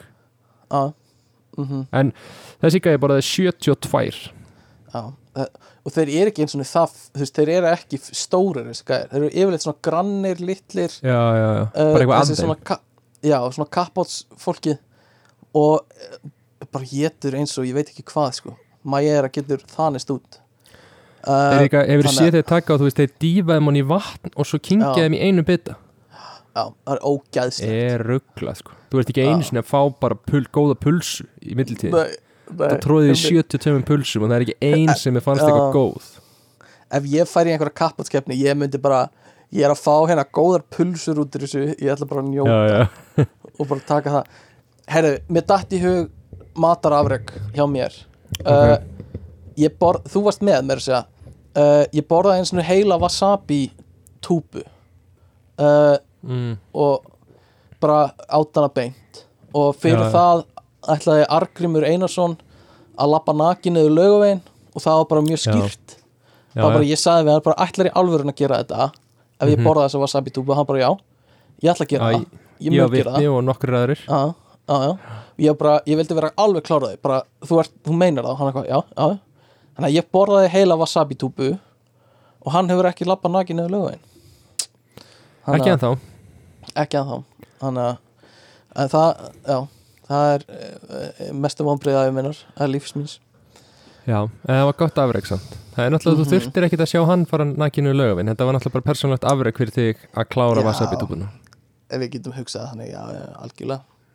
Já, en allavega mm, Svo eru svona nokkur meira basic hlutir sem að, þú veist, mhm, sem að hérna Já, kannski svolítið hratt í gegna mhm. Ídráttafreg Já. Úsinn bolt Að hlaupa Það er 100 metrana crazy, sko. undir 10 sekundum Það Já, var reysa stórt sub 10 er náttúrulega svakalegt. Ég held, átti hann ekki 10.58 eitthvað eitthvað svona í kringum það sem er náttúrulega bara 9.58 já, ég meinti það, 9.58 Já, sem er náttúrulega bara fáránlegu tími sko. Já, já, og, og bara svona við mörg bara það sem man, manneskjan á að geta gert sko. já. allavega, saman Eh, því svakalegt afrek Já, sko. ég, þú veist, svo er eins og þetta hérna, þú veist, eins og Michael Phelps. Mm, þú veist, vann Mhm. einhver átta gullmedaljur mm og setti sjö heimsmet. Já, ég veit ekki, mér veit sund eitthvað svona, mér finnst það smá svona boring sko ég er eitthvað svona, þú veist. Einmitt. Ég veist, að hlaupa, því ég gerir mér svona grein Já. fyrir því meira en að þú veist, að synda er eitthvað Mhm. svona, já, já, þú veist. Mm já, já, algjörlega. Fínt. Þú veist, það eru mjög fáir, veit ég, sem eru með þú veist, fimm gullmedalíur eða eitthvað, bara mjög fáir. En svo kemur bara eitthvað stökk samt með Phelps. Og hann fer bara upp í ég held hann eigi 19 medalíur á olpjuleikunum eða eitthvað, bara eitthvað fáránlegt sko. já, en hann líka bara svona, þú veist þú veist, að ég veit ekki, hann einhvern veginn bara svona lukkar eins og hvað er hann búinn að gera þú veist, hvað er öðruvísi við hann hann er bara svona smá eins og hann sé bara svona aðeins vaksin í þetta og bara búinn að æfa sund allavega Mhm. og svo keppir hann í sundi veist hvað, mm Mhm. Já uh, í- það er alveg rétt sér þetta er ekkert rosa afreg ég hugsa að flesti getur gert það reyndar Já, að þetta Já, er flestir hjá gert þér. þetta er Heyrðu. mjög góð punktur hjá þér sko. að þetta er ekkert sérstætt hjá Felb sko. hann á ekkert skilið allt þetta tal sem hefur verið talað um hann sko. Nei, nei. En þú veist, þetta er allt eitthvað svona íþróttadótið, þetta er allt bara eitthvað, eitthvað vann, eitthvað gull og olimpíuleikunum og eitthvað svona, Já, en þú veist, þetta er í hug eitthvað merkilegt íþróttafrek, skilur Þú veist Já. eitthvað, ég þetta 500, eitthvað svona. E- já, já reyndar, það er svakalegt. Það er hálft Já. tonn liftur upp, skil- ég reyna ekki að tala. Uh, það talaði um sko eins og undir tveir tímar í marathoni er, er Já, já, uh, er eitthvað sem er bara við heldum að það væri bara aldrei hægt að ná. Bara þú veist, það meikar ekki sens að ná því ég held að sé búið að ná því núna. Uh, ef ekki staðfest þá er einhver búin að ná því svona óstaðfestu tími eða eitthvað svona sem er, sem, en, en samt, þú veist, það er svakalegt sko. Uh, Eins eins og gaurinn hérna sem ætti að hlaupa í, í Kenju já, Það var gaur sem að setja eitthvað, eða ég man ekki eftir, ég má bara sjá heimildamöndum hann. Mm Var bara alltaf að hlaupa bara eitthvað, bara í eyðiverkinni já, já. Það er, já, það er náttúrulega uh, við vorum náttúrulega svona mannkynni var hlaup, hlaup, hlaup, hleypur upp bráðinu sína veist, á tímbili. Og það var ekki að því við hlupum hraðar en bráðin heldur að því við gott meira þol. úthald. Já. Já, já. Við en, getum ekki hlaupið upp sko kaninu í dag. Nei, Það verður bara fyrir já, ég reyni það alltaf þegar ég er í öskulíðinni hjá HR sé alltaf kaninur og ég alltaf fyrir strax að hlaupa eftir þeim sko, alltaf svona. Kanína. Það er pása á bókasætun í HR Já, það er að pása á bókasannu þegar ég er búinn að setja allt í stárasöðuna og Margrét á bókasannu segir við mig Jæja Stefán, viltu ekki fara að elda kanínur? Og ég, jú Margrét. Ég ætla að vera að elda kanínur. Uh, Er þetta alltaf að láta að- taka alla bækundur á hillunni og endur að þeim í stárasöð Já, ég gera það þú veist, einu sinni viku sko. um, en líka það er svona fólk sem er svona, svona maniacs eða svona brjálað þú er að hlaupa, já, kalla eða eitthvað svona, tekur Já. einn já, kalla á dag í hundra daga eða eitthvað uh, og það er hérna uh, grínisti uh, og svona fjölmjölumæður uh, eða fjölmjölumanneskja sem heitir Eddie Izzard sem er hérna bara svona miðaldra.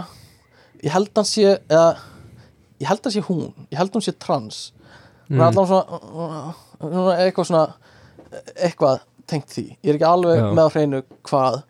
En allan að uh, hleypur og hefur hlaupið, þú veist í hundra daga marathon á dag. Eitthvað svona, Já, eitthvað svona challenge og gera það bara reglulega. Og það er bara ótrúlegt hvernig þú gerir það sko. Já, þú já, veist, bara bara hérna vaknar á hverjum degi og þarfst að hlaupa marathon. Og þú veist, og engin tónlist. Ég man að Eddie var að tala um að það veri engin tónlist þegar hann, hlau- eh, þegar hann var að hlaupa sko. Og hvað er hann hérna, þú veist, Hann hvað er- er hann lengi með marathon?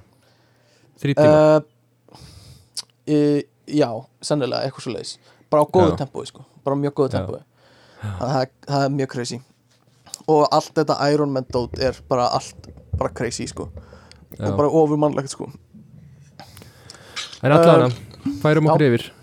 Mm Við ætlum aðeins að tala um tækni. Yes, Tækni, Það er mér langar svolítið að vita, vita sko, þú veist, ég ætla að gefa þér hérna, þrjá hluti og þú Já. ert að segja mér hvað þér finnst vera þú veist, hvað er merkilegast af þessu. Já, já. Sími, mm ljósapera mm. eða sjónvarpið. Sjónvarp. Aha, já, aha já, það finnst mér. Uh, erum við að tala um bara svona á sínum tíma þegar þetta kom fram?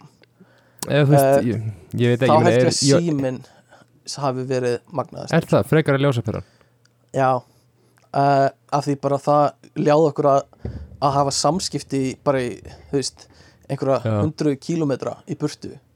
Um, þú veist, ljósapera er bara rafmagni gegnum volfram eða eitthvað og bara hita málum sem er alveg magnað.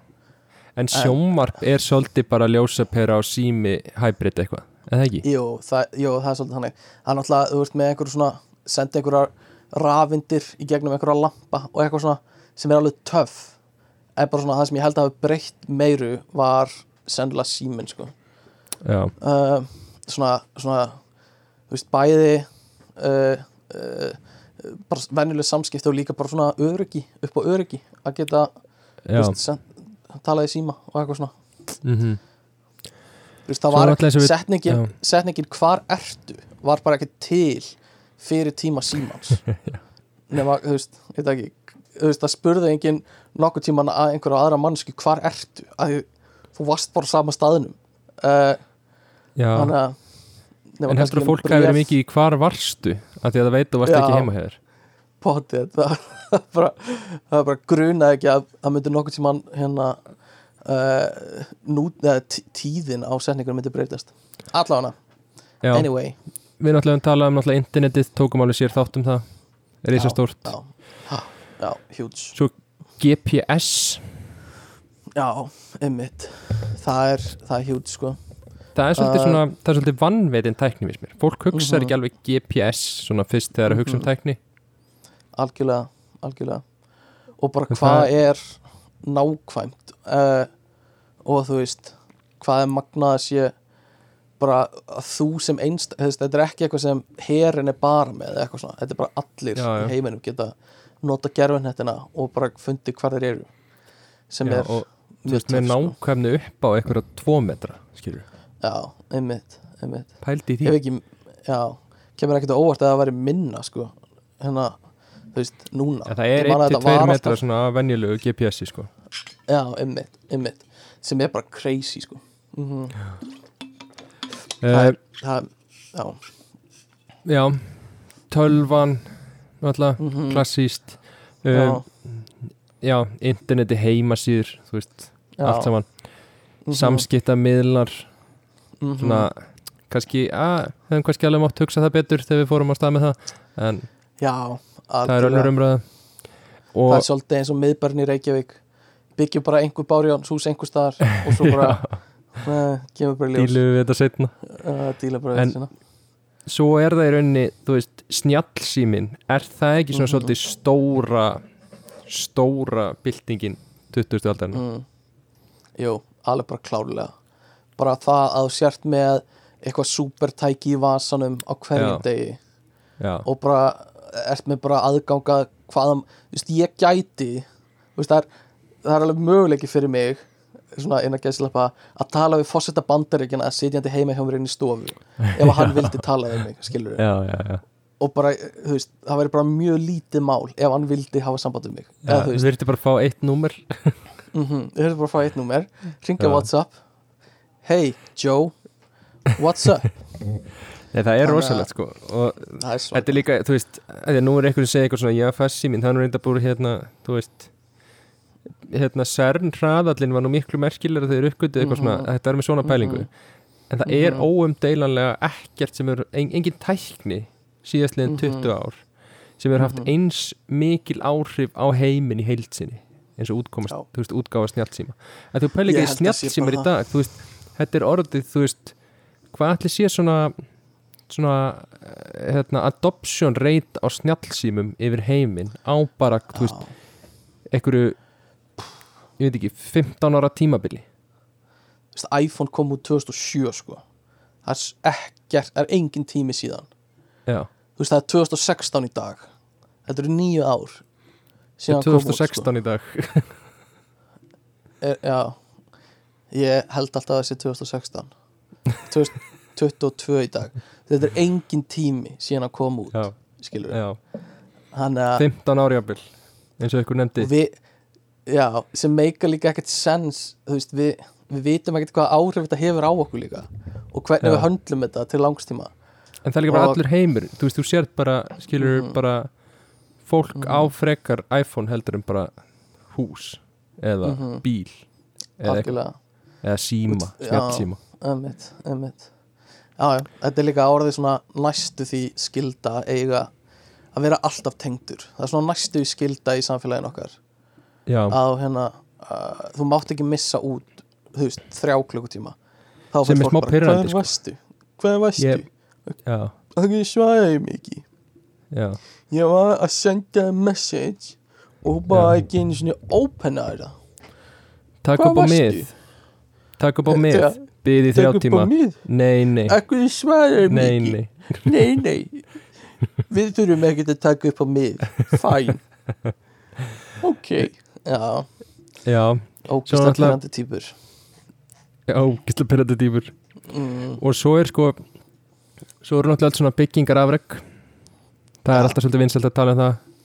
Píramítarnir svolítið svona þetta klassíska. Ég vissi á allar að segja Ég vissi, ég bara vissi á allar að Já, þú vissir þetta Ég vissi á allar að segja þetta. Ég sko, ég veit alveg hvernig píramítarnir voru byggðir. Mm -hmm. Það, Geimverur. Ha, nei. Geimverur. Já. Það var ókslega stór sandtrúa. Og þeir settu eitt stein upp á hana. Já, já. svo gróðu þeir sandin í burtu. Og settu hana, þeir byggðu hann sko upp og niður. Já, það meikar svo miklu meiri sens Já. heldur en hitt. Já. Ok, þurfum við að hafa samband við einhver svona, einhver svona forlefafræði samtök eða eitthvað og láta við vita? Eða, um, eða heldur að við hlusti? Ég er að Þetta er NFT alveg- að þessa hugmynd. Já, einmitt, þú, þú setur þetta á blockchainið og þá setur það. Einmitt. Nei, Já, nei, ég veit er mjög hvernig það fynd- byggðir. sko. en það er mjög fyndið svona öll svona byggingar afreg sem við höfum bara svona Mhm. mannkynni þá, þú veist, þetta er alltaf eitthvað svona því að við vitum ekkert hvernig menn fóru að þessi gamla þetta Mhm, Þú Algjörlega við erum ekkit, við erum ekkit svo mikið að tala um eitthvað hvað, þú veist eitthvað svona, eins og Mhm. Dubai byggingin hérna, þú veist, við erum ekkit Mhm. það mikið að tala um eitthvað váta og svo mikið afreg, skilur, þetta var alveg afreg Já. að þetta var ógislega flókin bygging og svona, Já, já, já. en á sama tíma, þú veist, við vitum líka alveg að þú tekur alveg fullt af verkfræðingum og borgaðum góð laun til að vera dútt í þessu og finna út í hvernig að byggja byggingu sem væri herri en þetta einmitt, og gefa menn einmitt. þessa pening, þá myndir einhvern veginn alltaf finna út úr í Algjörlega, algjörlega þannig að þetta er allt eitthvað svona þú veist Partheon. Kóluseum, Já, einhverjar þessar gömlu borgir í þú veist, einmitt, hérna einmitt Suður Veistu Ameríku úr- og eitthvað svona Veistu úr hvað efni þakið á, á Parthenon-hófin er? úr hvað efni, Já, er þetta ekki carbon fiber aðalega? jú, þetta laserkvættað carbon fiber sem er tvíhitt. Það eru stein, steinsteipu Þetta lærði ég í Bessivis uh, En, þú svaraði þessu og ekki rétt. nei. Þú lærði Uh, þetta á því að svara þessu Nei, vittlist nei, ég, já, jú, já, ég gerði það. Og ég gleymi aldrei, ég gleymi aldrei spurningu sem ég svarar veitlist uh, uh, en svo er eins og Stonehenge vitum við ekkert hvernig gerðist og hann að páska á páskaeyju, hann að andlitin á páskaeyjunni já, líka, eitthvað svona en náttúrulega Stonehenge sko, ég hef komið þú veist, ekkert merkilegt slepp, sleppið að pæli í eitthvað hvernig Stonehenge er byggt, skilur okay, ef það er til eitthvað eins og píramít, píramítarnir mm -hmm, þá bara svona, Mhm. það skiptir einhver máli að einhverjir steinar í Bretlandi það séu eitt steinn ofan á tveimur steinum skilur já, veist. já, það er smá svona eins og við hliðin á kóluseiminu að vera að spá í hvernig alþingishúsi í Reykjavík var byggt skilur já, já, já, það er reyndar að góða búnt en svo er eins og hérna uh, kirkjan í Barcelona. Já, hún er náttúrulega, er búið að klára hana Ég, gæti ekki þér það sko. Nei, uh, Nei, já. Ég veit ekki, var, er það eitthvað svona eiliða verkefni sem er alltaf í gangi já það var eitthvað allavega að vera að laga hana í fullt mörg Mm. ár. Ég veit ekki hún, hvort hún hafi þá verið væntanlega tilbúin á einhvern tíðapunkti eða eitthvað. Mm, og svo að vera að gera við hann í mörg ár. Einmitt. en ég veit ekki Tengt- það. Tengt þessu er svona afreg í hversu mikið er hægt að fokka upp. Er eins og flugvöllurinn í Berlín sem Já. var bara, þú veist, eitthvað svona verkfræðilegt, bara svona stórslis, já, þú veist, þeir áttu að opna 2006 eða eitthvað og, já, já og það bara fór allt í ruggli bara því, þú veist eh, einhver takki virkaði ekki og þau þurftu að taka allt í sundur og smíða allt upp aftur og það er búið að fara, þú veist, 15 sinnum yfir kostnara áallun og er eiginlega ekki ennþá komið alveg nótkun og hérna og á meðan á öllu þessu stóð þá þurftu þeir alltaf að hafa allt í gangi bara einhverjum öryggisástæðum, þá var Já, alltaf kveikt á öllum ljósum öllum skjám og öllum svona svona, uh, svona escalators sem er svona göngubrautum og eitthvað svona bara einhverjum massíu fokk uppi sko. Já, þetta var líka sko, það sem ég fannst úrslega fyndi vandamál þetta var náttúrulega með Mm. ljósin það var eitthvað þannig að komi Já. ljós að ljósin sem þið sett inn var bara eitthvað byrtan gekk ekkert upp fyrir flugvöld Mhm. eitthvað svona bara eitthvað svo var það sem var að hérna að rullustegar voru stuttir þetta er bara eitthvað eitthvað vandamál já, bara rullustegar var bara ekki, eitthvað að þú veist, Já. þú veist í bara, bara getur ekki labbað upp stiga mm, og gæstu farið í rullustega en það bara, svo Mhm. kom eitthvað þrep við endan já. Þetta er bara eitthvað- það þetta er bara eitthvað rugl sko. Já. En svo var líka vála þegar þeir, þeir, þeir kláruðu hann mm, og svo átt að byrja að nota hann. Mm, en þá var sko flugumferð búin að breytast það mikið á meðan var verið að byggja hann. Hann var ekki lengur nógu stór til að taka Já, við öllu þessu já. flugumferð. Um mitt bara eitthvað, já allavega, þetta er svona afreg í að fokka upp sko, já, skemmtilegt. Ég já, gæti gert, veistu hvernig ég myndi gera þetta? Þetta, er- í, byrjun þá myndi ég bara setja mig mjög skýr markmið til að hafa bara allt á hreinu um það sem ég þyrfti að gera. Já, uh, en hérna já, sko erum við með meira, sko ég er með alveg fullt skrifa niður hjá mér, en það er bara spurning hvort við segjum, fyrir að segja þetta gott sko? Uh, já já, allir Er- verðum ekki að fara að segja þetta gott. Jó, ég held að nema að þú sést með eitthvað sem vilt klára í Ertu nei, ég held bara við, við bara Ok. spörum. Ok, spyrum það. Uh, Bara svona alveg í blá logiðin renna eldsnögt yfir, bara svona hverstags afreg sem allir geta nei, sem geta ekki allir sem svona ég fæ á hverjum degi. Eða svona á svona, uh, dag, uh, ekki dagstælega en svona hverstags afreg hjá mér. Afreg að klára hver podcast þátt sem ég tek upp. Uh, það er alltaf gaman að klára eitthvað svona verkefni í vinnunni. Maður fær eitthvað svona, á ég var að lónsa þessari heimasíðu. Uh, það er alveg svona næs, gott í hjarta uh, afreg finnst mér að ringja símtölin eða senda tölupostuna sem ég þarf að senda og ég Já. er búin að býða með að gera þú veist, pantatími á tannlagni eða eitthvað svona.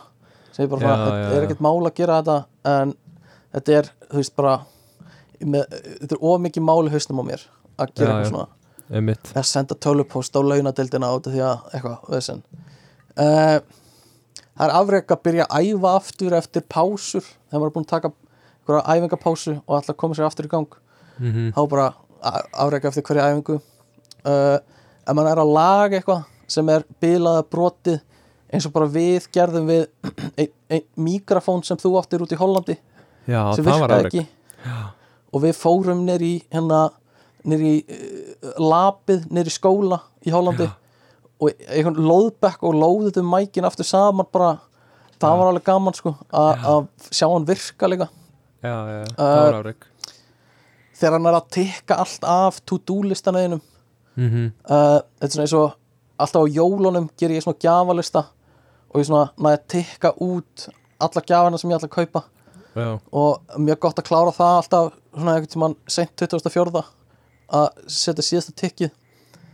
Uh, og svo er alltaf bara mjög gaman og mikið áreg þegar einhver nýtur þess sem þú býr til. Eins og þegar einhver sendir á mann eitthvað svona síðasta þáttu var mjög skemmtilegur og eitthvað svona. Uh, ég hafði gaman að þessu og eitthvað svona. Uh, eða ef einhver segir eitthvað svona já ég tengdi rosa mikið við þetta í þættinum. Gaman að heyra. Mér finnst það alltaf líka svona næs Já. að ná að gera eitthvað fyrir einhver uh, þannig að gott að enda þessu. Uh, uh, styrtaræðal þáttarins í dag er mikro-USB minni mig. Já. uh, size doesn't ma matter held ég. Um, Já, Og- það er, sko, stærðin skiptir ekki er, já, stærðin skiptir ekki máli. Á íslensku auðvitað, já, já, já, já, já, já, já, já. Uh, stærðin skiptir ekki máli. Uh, hafið samband ekkert að frétta gmail.com eða á Instagramin okkur ekkert að frétta. Við erum líka á Twitter, ekkert að frétta á Twitter. Uh, er, er er einhver búin að senda tölvupúst bara svona síðustu hálfa árið? Nei, ég held að sé líka að endist enginn út þáttinn sko. Ég, ég er ekkert vissum að sé Já. nokkur sem er að hlusta á þetta sem heyrir. Fólk veit ekki hvað að e-mailið er. Já, fólk er búin að gleyma hvað e-mail er annars Já. verðum við að drukna í e-mailum sko. um, Þannig ég ætla bara að uh, slúta þess að þætti Vilt þú koma að einhverja lókum? nei, bara takk fyrir áheyrnin og hlakka til að sjá ykkur á komandi vikum Mhm. ég hlakka meira til þess þetta er svona önnur ástæð fyrir ég hafði ekki samband við í síðustu viku það er þú veist, þú reynir alltaf að koma með eitthvað svona í lokin já, og hlakkir til að sjá fólk eða eitthvað svona já. og þú veist, leiðum mér ekki eins og segja nei, af því já, já, þá er þú veist já, já, já, já.